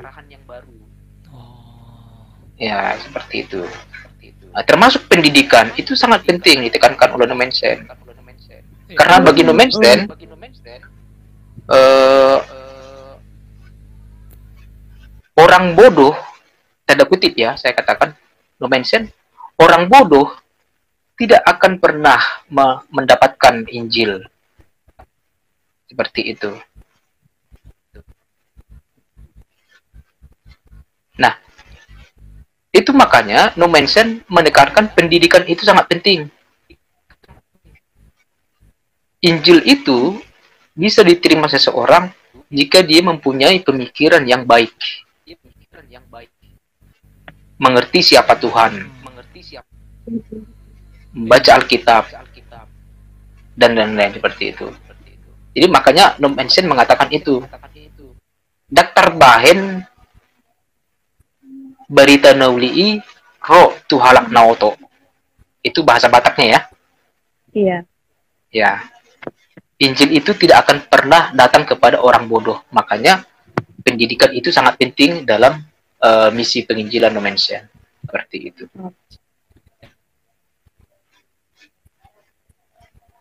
Itu yang mungkin oh, membuat ya apa? yang menarik dari ka kalimat tadi itu jadi uh, kalau misalnya disebut penginjilan ini semacam doktrinasi, tapi itu pun terjadi dalam kondisi orang-orang Batak tuh sudah di berdayakan sudah diedukasi sebelumnya dengan pengetahuan-pengetahuan oleh Nomensen kan. Jadi mereka menerima Kristus, menerima Injil dalam keadaan mereka sudah bisa berpikir, sudah benar, sadar. Benar sekali. Ya. Benar sekali. Hmm. Nah, uh, itu makanya baptisan yang pertama yang dilakukan oleh Nomensen di Hutadame itu kepada mereka-mereka yang telah dibimbing terlebih dahulu. Hmm. Mereka-mereka yang telah diajari terlebih dahulu. Jadi artian Nomensen membaptis mereka mereka yang istilahnya kertas kosong ya, kertas putih. Bukan, tapi yang sudah uh, mempunyai pemikiran dan mereka-mereka yang juga sudah mengerti betul-betul siapa itu Yesus begitu. Nah, itu juga Nomensen juga tidak pernah memaksakan pembaptisan kepada orang-orang yang memang tidak mau uh, dibaptis. Seperti itu artinya tidak mau belum bersedia begitu ya. Belum bersedia ya iya. Nah saya, saya contohkan misalnya Raja Mandari Raja Mandari.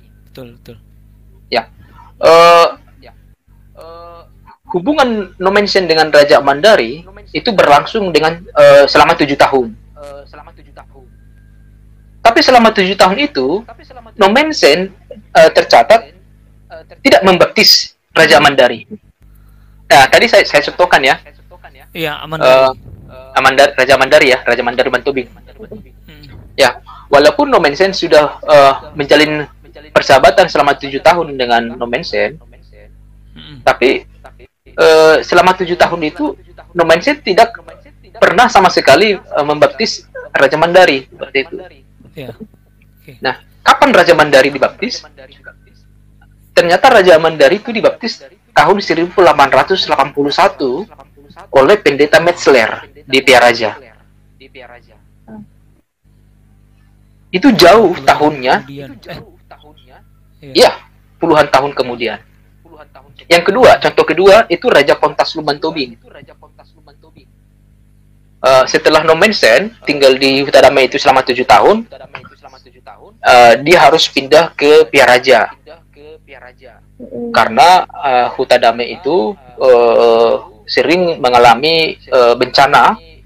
banjir dari uh, luapan sungai uh, Situmandi dan uh, Aek Sigeaon ya di postingan itu sudah saya uh, sertakan juga. Nah, akhirnya uh, dia pindah ke Piaraja di tanah pemberian Raja Pontas Lubantobing. Hmm. Ya, uh, perkenalan Raja Pontas uh, dengan uh, Nomensen juga ya bisa dikatakan mereka uh, mempunyai hubungan yang sangat erat karena uh, atas bantuan Raja Pontas lah uh, Nomensen bisa uh, menginjili ke daerah-daerah lain. Oh. Ya. Nah, uh, Raja Pontas juga sama demikian. Sama demikian. Ya, artinya uh, perkenalan Raja Pontas dengan Nomensen juga uh, bukan berarti Raja Pontas langsung dibaptis, bukan. Nah, kapan Raja Pontas dibaptis? ternyata Raja Pontas itu dibaptis di tahun 1865. Iya. Ya, jadi, uh, jadi uh, benar tadi yang uh, host sampaikan tadi bahwa Nomensen membaptis mereka-mereka yang betul-betul bersedia untuk dibaptis. Iya. Jadi bukan istilahnya didoktrinasi atau dipaksa atau iya. semacamnya. Nah, itulah yang menjadikan Nomensen sangat berkesan. Hmm. Ya, di samping memang penginjilan yang dilakukan, ya sangat berhasil membuka pos-pos uh, penginjilan yang baru uh, dan bisa dikatakan dari keseluruhan misionaris yang ada di tanah Batak, uh, no mention lah yang paling lama uh, mengabdikan diri uh, di tanah Batak seperti itu. Oh uh, di tanah Batak seperti itu. Nah, admin uh, ya. yang tadi kayak admin bilang, Oke, lanjut ya. Admin ceritain. Uh, ya. Yang tadi kayak admin ya. tentang Nomensen ya. Ya. Uh, kalau aku tadi dengar cerita, aduh jatuh deng. Hah. Kan aku tadi dengar cerita kalau misalnya Nomensen itu dekat dengan Raja Mandari, Raja Pontas gitu. Itu tuh salah satu unsur untuk menyukseskan penginjilan dalam suatu daerah atau enggak sih menurut admin? Ya, uh, tentu saja itu sangat uh, mempengaruhi dalam penginjilan. Mempengaruhi dalam penginjilan. Ya, uh, seperti yang saya katakan, eh, saya katakan tadi bahwa metode penginjilan di tiap-tiap daerah itu berbeda. Hmm. Nah, uh, konsep penginjilan yang dilakukan Nomensen di tanah Batak uh, bukan seperti konsep penginjilan uh, tanda kutip memakai pancing, tapi konsep yang Nomensen pakai itu adalah dengan cara menjaring. Oh. Ya, kalau memancing kan cuma satu dapatnya kan? Iya. Ya, kalau menjaring kan banyak. Ya. Nah, untuk untuk untuk uh, mencapai strategi itu apa yang harus dilakukan Nomensen? Nah, uh, Nomensen kan sudah belajar nih tentang uh, kultur sosial orang Batak. Iya. Bahwa di tanah Batak itu di setiap daerah-daerah itu pasti dipimpin oleh seorang raja. Ya. Oh, Dan biasanya apa yang uh, dikatakan oleh seorang raja, nah itu yang dilakukan oleh uh, masyarakatnya seperti itu. Nah, pendekatan-pendekatan kultural seperti itulah yang dilakukan oleh Numensen mendekati pemimpin-pemimpin uh, wilayah atau raja-raja untuk mengambil simpati uh, para masyarakat-masyarakat yang lainnya. Itu juga berpengaruh. Artinya, uh, jika seseorang melihat bahwa Nomensen dekat dengan raja kita, ya kita juga pasti wah raja kami aja sudah berteman dengan dia kan begitu uh, berarti ya tidak ada yang perlu ditakuti lagi seperti itu nah tapi uh, kembali seperti yang uh, saya sampaikan tadi takuti betul uh, bahwa uh, no mindset atau dari pihak Raja Pontas sendiri pun tidak pernah memaksakan uh, masyarakatnya untuk uh, mengikut nomensen seperti itu ya awalnya ya. Iya, itu yang menarik. Hmm. Ya, itu yang menarik. Uh, seperti yang saya katakan tadi, uh, pembaptisan yang dilakukan nomensen di Huta Dame itu uh, kepada masyarakat biasa, ya, itu bukan atas anjuran dari raja mereka atau raja Potas atau raja Mandari, bukan. Nah, tapi betul-betul karena memang mereka merasakan apa yang diperbuat oleh Nomensen kepada mereka seperti itu. Nah, di samping Raja Amandari dan Raja Pontas juga seorang raja yang terbuka terhadap perubahan-perubahan yang baru. Hmm. Ya, ya bisa dikatakan sebenarnya bahwa eh, raja-raja yang pertama di tanah Batak yang menerima perubahan yang baru itu ya termasuk Raja Mandari dan Raja Pontas Pontas. Tubing. Ya. Ya, mereka lah raja-raja yang membuka era peradaban yang baru di tanah Batak. Nah, itu itu dia. Jadi pendekatan-pendekatan yang dilakukan Nomensen itu sangat cocok dan sangat sesuai dengan eh, sosial eh, kehidupan orang Batak.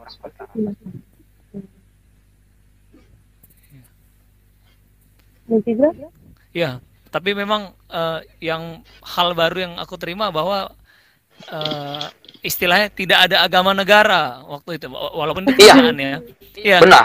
karena tidak tidak ada misalnya pemimpinnya udah Kristen langsung seluruh eh, rakyatnya mesti mengikuti itu tidak ada Iya. saat itu. Benar. Hmm. Nah, makanya saya katakan Oke. tadi ketika ketika Nomensen membaptis orang Batak pertama di Kota Dame, Mm. Raja Pontas dan Raja Mendari di situ belum dibaptis, kan begitu. Iya, Iya. dia mem- memperbolehkan saja. pokoknya. Dia memperbolehkan, ya mereka eh, istilah sekarang mereka moderat kan seperti itu. Iya. Heeh. Lanjut ya. Jadi Oke, oke. Eh, itu kan Nomensen sudah sampai tahun 1861 ya, 1861 tadi masuk dari eh, Sumatera Barat kan sebagai tahun eh, berdirinya HKBP pada tanggal 7 Oktober. Tapi kenapa Iya. iya. tanggal kenapa ya tanggal itu yang dipilih ya? Kenapa tidak misalnya ketika s- apa Munson dan Liman datang gitu atau karena kan sebelumnya sudah ada aksi-aksi yang dimulai di tanah Batak gitu. Hmm. Ya.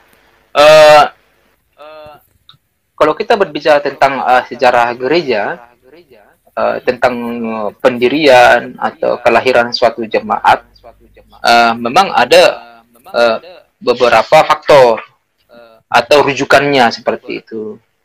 Nah, pertama itu biasanya eh, kelahiran eh, sebuah jemaat itu ditetapkan karena contoh satu eh, berdasarkan ibadah minggu pertama. Oh. Nah, yang yang kedua itu eh, ada berdasarkan baptisan pertama. Oh ya. Yang ketiga itu ada berdasarkan eh, kedatangan misionaris. Yang keempat itu ada berdasarkan rapat atau sinode. Oh. Nah, itu itu opsinya. Ah, ah. Iya, iya. Nah, eh, ditetapkannya hari lahirnya HKBP di tanggal 7 Oktober 1861 memang eh, bisa jadi eh, perdebatan ya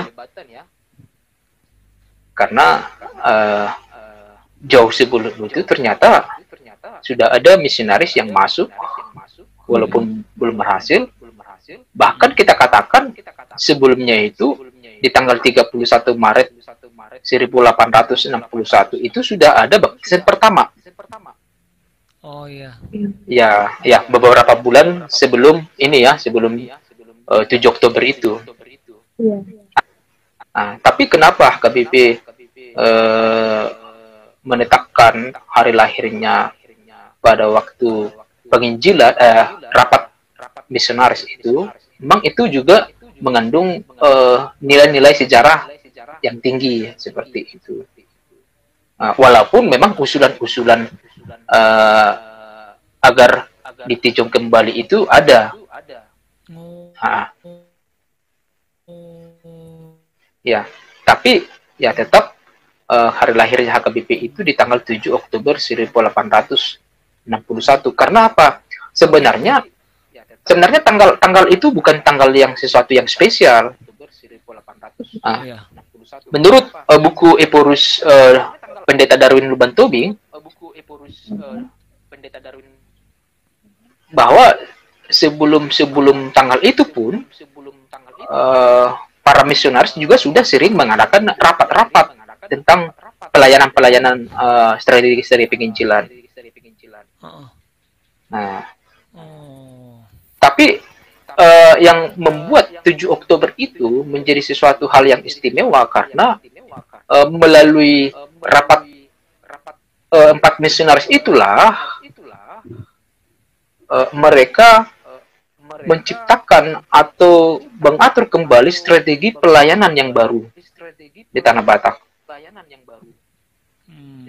Nah, artinya outputnya itu yang dilihat sebagai eh, hasil sebagai hari lahirnya HKBP. Iya. Nah, output dari rapat itu artinya eh, berdasarkan buah dari hasil rapat itulah inilah buahnya seperti itu. Iya. Nah, itu yang dituliskan oleh poinnya ya. Tujuh. ya point. Iya. Nah, itulah yang eh, dituliskan oleh eh, Upuya Purus eh, pendeta Dr. Darwin Lubantubing dalam bukunya. Ya, memang eh, ada anggapan-anggapan bahwa eh, sebenarnya hari HK, hari lahirnya HKBP itu bukan di tahun 1861 seperti itu. Tapi Iya. tapi bahkan secara umum itu hari kelahiran kekristenan di tanah Batak begitu. Tapi ah, tapi eh, ungkapan-ungkapan itu kan lahir eh, pada akhir-akhir ini saja seperti ini. Iya. Iya. iya. Mungkin ada yang keberatan karena ya wajar karena sekarang di tanah Batak sendiri bukan hanya HKBP saja kan begitu. Iya. Ya artinya gereja-gereja mainstream yang lain juga ya berhak eh, mendapatkan sejarah-sejarah itu sebagai bagian dari sejarah gereja mereka. Iya. Nah, ya buktinya waktu HKBP eh, melaksanakan jubileum 50 tahun ya tahun 1931 bahkan jubileum 75 tahun dan jubileum 100 tahun eh, ungkapan atau keberatan-keberatan itu tidak pernah ada Mm-mm. Oh. ya itu tidak ada gitu ya mungkin karena pada waktu itu ya HKBP masih satu ya belum belum ini ya belum terbagi ya seperti itu Ya. Iya. Eh, iya jadi ya itu tadi eh, penetapan hari lahir HKBP nah tapi seperti yang saya katakan kembali bahwa awalnya bukan nama HKBP bukan Huria Kristen Batak Protestan. Ya. Sebelum 7 Oktober itu. Eh, se- awal- eh, dan sesudah 7 Oktober Bisa juga 7 Oktober juga Oh, belum. belum iya belum Mm-mm. Oh Ah, iya iya betul. ya jadi Karena eh, pad- pada waktu itu masih menggunakan eh, Huria Batak iya iya. seperti itu ya. Ah, ah. Terus ada juga menggunakan Huria Batak Naditano Sumatera. Kemudian ada juga Huria Kristen Batak. Nah, kemudian Iya. eh, akhirnya diterbitkan statbal res- eh, resmi pada tahun 1932 menetapkan nama Huria Kristen Batak Protestan. Oh, itu Nah, legalitas Ya. akhirnya. legalitasnya dari Iya. pemerintah. Tapi ada hal yang menarik di situ bahwa eh, Huria Kristen Batak Protestan ya eh, kata Kristen mengawali dan kemudian kata Batak. Jadi bukan Huria Batak Kristen gitu ya. Nah, itu juga hal yang menarik. Ya. Nah, itu juga ada unsur eh, teologisnya. Mungkin eh, dari kalangan-kalangan pendeta juga eh, bisa eh, kalau ditanya bisa menjelaskan, tapi menurut saya kenapa Huria Kristen Batak Protestan ya eh, bahwa eh, kekristenan itu lahir bagi orang Batak seperti itu. Oh, Jadi bukan karena Batak ada Kristen iya. ya, tapi Kristen yang menggarami Batak itu, tanah Batak itu. Nah, itu itu ya, itu keistimewaannya. Eh, Kenapa namanya Huria Kristen? Kemudian baru Batak. Di, di di beberapa postingan tuh kan ada terlihat di Instagram, di Instagram Baritana Uli. Ya. Ah, ah, Ada ah. terlihat eh, foto-foto kor- korps musik tiup eh, Iya. sebagai pemusik gereja HKBP itu pada waktu itu. Apakah Ya. ini eh, korps apakah musik tiup ini karakter umum musik gereja Pak di masa lalu HKBP? Bukannya organ ya kalau misalnya kita lihat eh, eh, kekristenan yang dibawakan dari Eropa kan? Iya.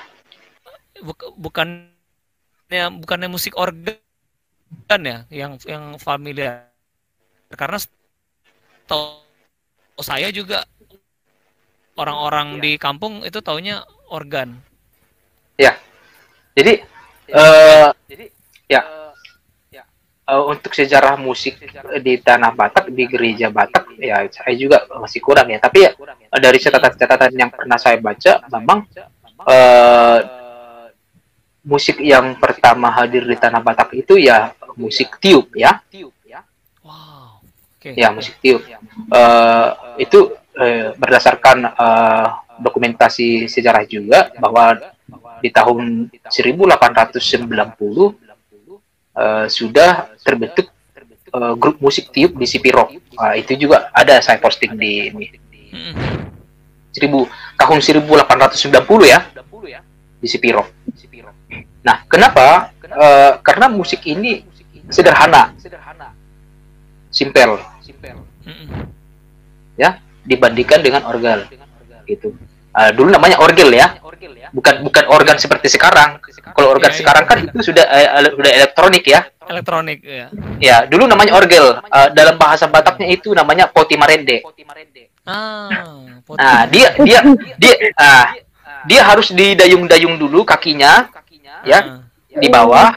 supaya ada Ah. angin yang masuk Iya, supaya angin masuk. Itu yang menghasilkan eh, nada nada suara. iya betul betul Ya. Dan eh, harus harus di eh, dilihat juga bahwa nyanyian-nyanyian yang diperkenalkan misionaris misionaris ke orang-orang Kristen Batak dahulu itu juga eh, tidak semua atau tidak langsung bisa dimengerti oleh orang Batak. Hmm. Ya, karena eh, sebagian besar lagu-lagu nyanyian itu buku ende itu eh, melodinya itu kan berasal dari Jerman dan Belanda seperti itu. iya Nah, zaman renaissance pula ya. Jadi rumit itu jadi ya itu juga mem- memerlukan eh, pengetahuan akan melodi, notasi ya. iya betul Ah, do re mi fa sol la si do seperti itu. Nah, jadi makanya perkembangan ny- nyanyian di tanah Batak juga eh, penting termasuk masalah musik. Nah, eh, tapi itu yang kembali saya katakan tadi dari catatan-catatan yang saya baca bahwa yang pertama eh, eh, dimainkan dalam ibadah itu adalah musik trompet. Walaupun musik tiup. Walaupun eh, dalam catatan yang lain juga dari buku pendeta Dr. Jarum Tauruk, eh, Nomensen sudah memainkan alat musik harmonika waktu eh, mengadakan ibadah di Utadame. oh keren Ya, ya, ya artinya ya misionaris-misionaris ini kan selain bisa eh, berkhotbah, selain bisa meramu obat, iya iya ya juga mereka punya talenta bermain musik. bermusik Ya, ya. Nah, mereka dipersiapkan untuk itu. Jadi eh, termasuk Nomensen, eh, dia juga seorang misionaris yang pintar memainkan musik. Eh, pada waktu itu harmonika. Ya. Nah, eh, penggunaan musik-musik eh, di gereja-gereja Batak waktu dulu, ya memang sangat eh, sangat susah seperti itu dalam sa- susah dalam artian bahwa pada waktu itu eh, alat-alat musik itu ya harus dikirim dari Jerman atau dari Belanda atau dari eh, Jawa seperti itu kan.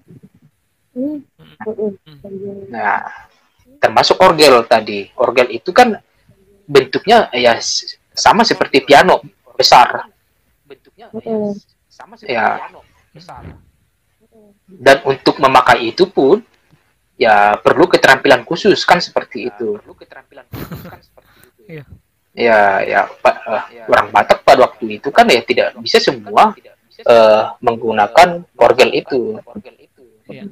ya, makanya di tahun 1902 uh, pendidikan musik yang pertama diadakan di gereja Batak itu pendidikan musik tiup.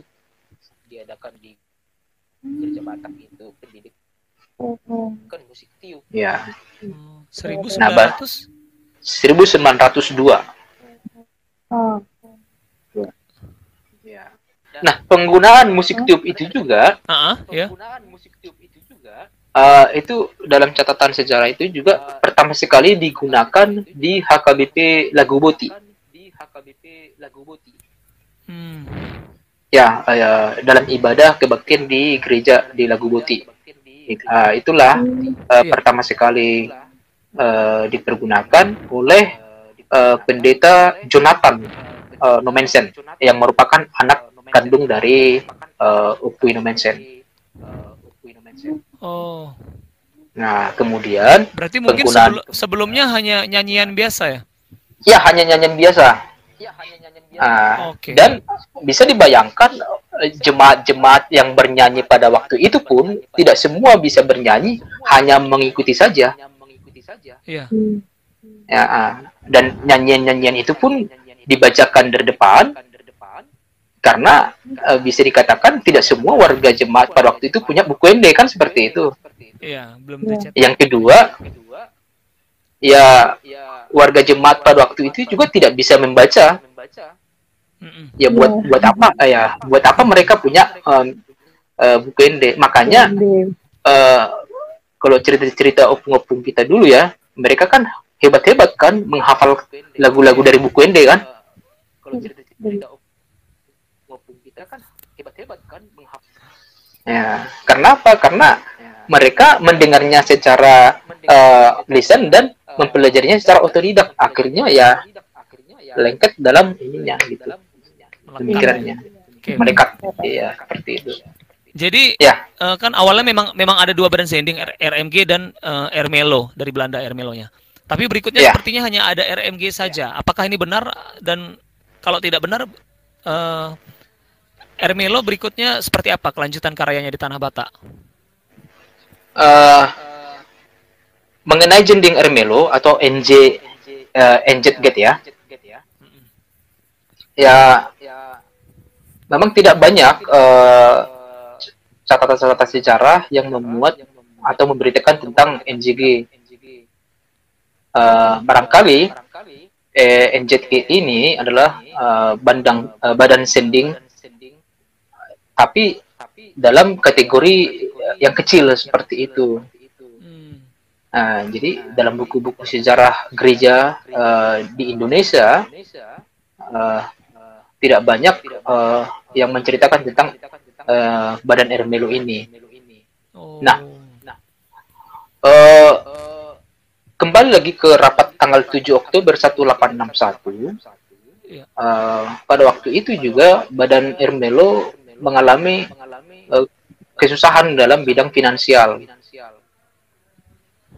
Ya, sehingga uh, ketika RMG datang dan menawarkan uh, perjanjian kerjasama ketika RMK datang untuk melayani di tanah Batak perjanjian kerjasama ya. maka uh, bisa dikatakan uh, misionaris yang diutus uh, badan sending RMB pada waktu itu melebur dan masuk ke RMG ya seperti oh. itu. Nah, uh, ya bergabung, nyatu. Nah, di samping. bahwa uh, Badan Sinding Ermelo juga sebenarnya sudah uh, melakukan penginjilan di Tanah Karo seperti itu. Melakukan penginjilan di Tanah Karo seperti itu. Oh. oh. Ya, uh, artian mereka tetap uh, melakukan penginjilan, tapi okay. uh, yang dominan penginjilan uh, di Tanah Batak itu adalah uh, penginjilan dari uh, RMG. Melakukan penginjilan RMG. Oke. Okay. Dewi? Uh, kapan dan bagaimana akhirnya uh, eh, HKBP itu uh, mapan dalam struktur organisasinya, admin? Iya. Uh, dalam perkembangannya uh, mulai tahun 1881 sampai tahun 1940 uh, gereja Batak atau HKBP itu kan dipimpin oleh uh, misionaris dari Jerman. Artinya pendeta Batak tidak diperbolehkan untuk memimpin organisasi. Nah, uh, mungkin itu berkaitan dengan uh, organisasi misi uh, atau belum mampunya orang Batak menjadi pemimpin uh, gereja yeah. Batak seperti itu. Uh, namun uh, pada tahun 1940 uh, akibat Perang Dunia Kedua, uh, di mana Jerman mengalami kekalahan, sehingga para misionaris-misionaris, tenaga dokter, evangelis yang ke, ber, uh, berkebangsaan Jerman ditangkap dan dikembalikan ke Jerman. Nah, pada waktu itu uh, terjadi kekosongan kepemimpinan di tubuh gereja, sehingga uh, pada waktu itu sempat juga uh, kepemimpinan gereja Batak itu dipimpin oleh misionaris dari Belanda. Uh. Ya, itulah uh, dalam sejarah uh, atau di almanak juga itu dituliskan bahwa uh, pernah uh, eh, HKBP pernah uh, dijabat uh, Eporus dari Belanda yang bernama HF de Kleine. Nah, tapi karena uh, Belanda melarang uh, segala penggunaan kata Eporus, Eporus itu kan berasal dari kata bahasa Jerman. Eporus itu kan berasal dari kata ah. Jerman. Ya. Sehingga sehingga pada waktu itu uh, penggunaan kata Epurus diganti menjadi kata Forzeyer. Nah, uh, pendeta-pendeta Batak melihat uh, bahwa hal itu tidak baik, sehingga uh, pada waktu itulah muncul gerakan-gerakan atau dorongan-dorongan bahwa uh, kita harus uh, merorganisasi dan memimpin gereja Batak ini sendiri. Nah, makanya uh, pada tanggal 10 sampai 11 Juli tahun 1940 uh, diadakanlah sinode dan akhirnya terpilih uh, pendeta dari kalangan Batak yang menjadi Epurus HKBP pertama dari kalangan Batak. Batak. Ya, nah itulah yang ditetapkan HKBP menjadi hari kemandirian HKBP. Oh, ada hari kemandirian. Ya, dalam bahasa Batak itu istilahnya uh, majujung baringinna. Hmm. Nah, di tahun itulah uh, eh, HKBP mandiri tanpa ada bantuan uh, baik secara uh, finansial atau secara SDM dari uh, luar negeri. Luar, ya. Nah, uh, bisa kita katakan bahwa di tahun 1940 itulah uh, HKBP mandiri secara organisasi karena dipimpin oleh orang Batak sendiri. Kemudian mandiri secara teologi karena teologi yang uh, dianut HKBP uh, menjadi lebih kontekstual dengan kehidupan orang Batak itu sendiri. Kemudian mendiri di bidang daya karena tidak ada lagi pendeta-pendeta dari Jerman. Uh, artinya uh, semua pelayanan di gereja Batak itu sudah dilayani oleh pendeta-pendeta uh, Batak. Nah, yang ketiga, ya kemudian mandiri secara finansial. karena bagaimanapun uh, gereja itu tidak bisa uh, berjalan kalau tidak ada uh, biaya operasionalnya kan seperti itu. Iya, betul. Nah, nah, cuma memang akibat perang dunia kedua itu uh, banyak aset-aset yang dulu didirikan oleh RMG diambil alih oleh Jepang dan pada waktu kemerdekaan Indonesia aset-aset itu diambil alih oleh pemerintah dan tidak dikembalikan ke HKBP. Hmm.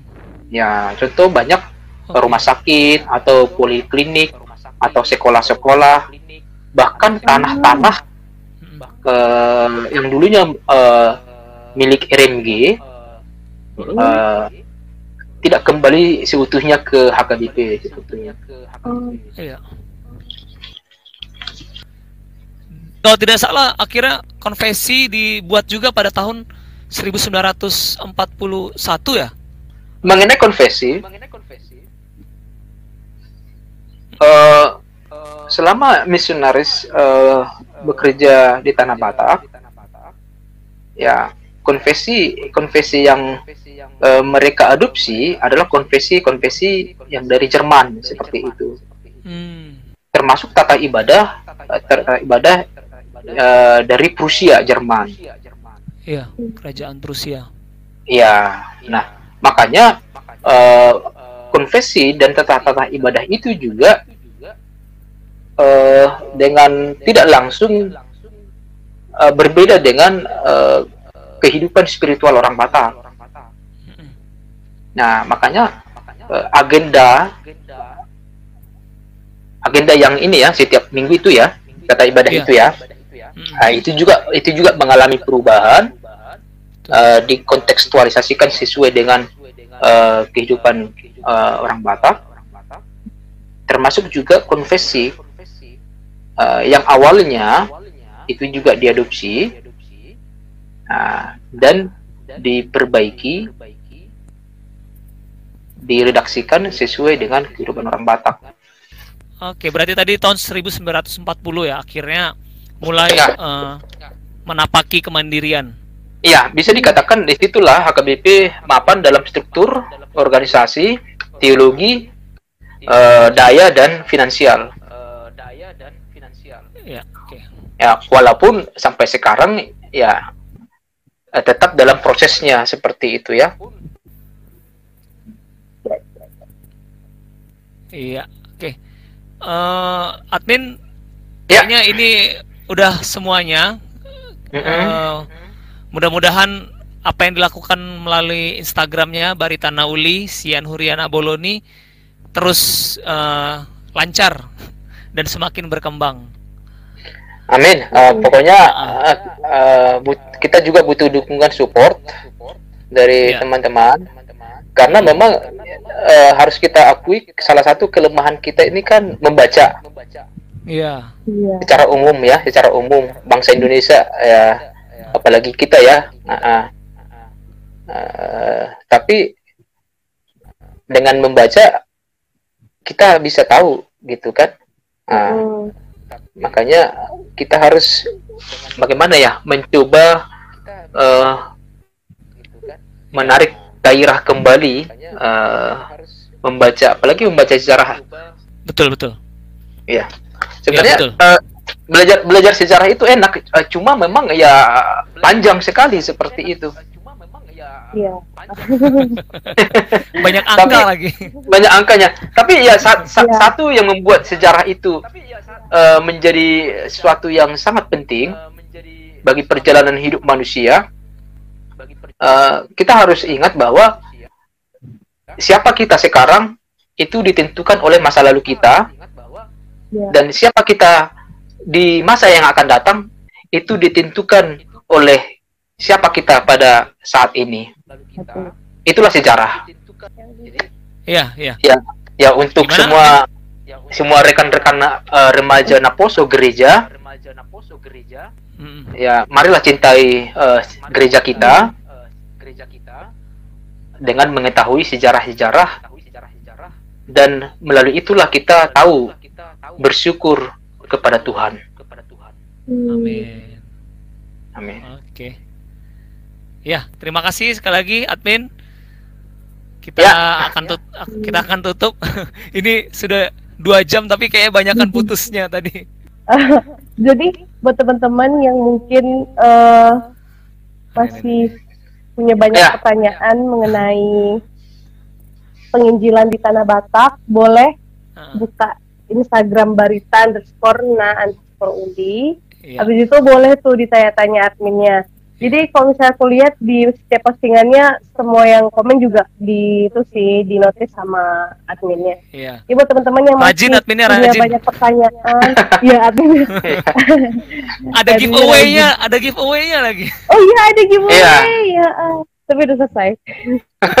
Enggak, masih ada, masih ada yang uh, untuk Oh, giveaway. jadi. Ya untuk buku reposisi penginjilan itu itu masih berlaku hingga sampai hari besok, hari, hari Senin, hari Senin, maaf, hari Senin. Hmm, Senin. Oke. Ya, ya, bisa aja gabung-gabung ya. Oke. Eh, Eh, sekian ya obrolan kita eh, ngobrol bareng admin Instagram Barita Nauli. Eh, sampai jumpa lagi di episode berikutnya. Dadah, terima kasih admin. Oke, okay, terima kasih Cegra Dewi, saya Salam sehat selalu.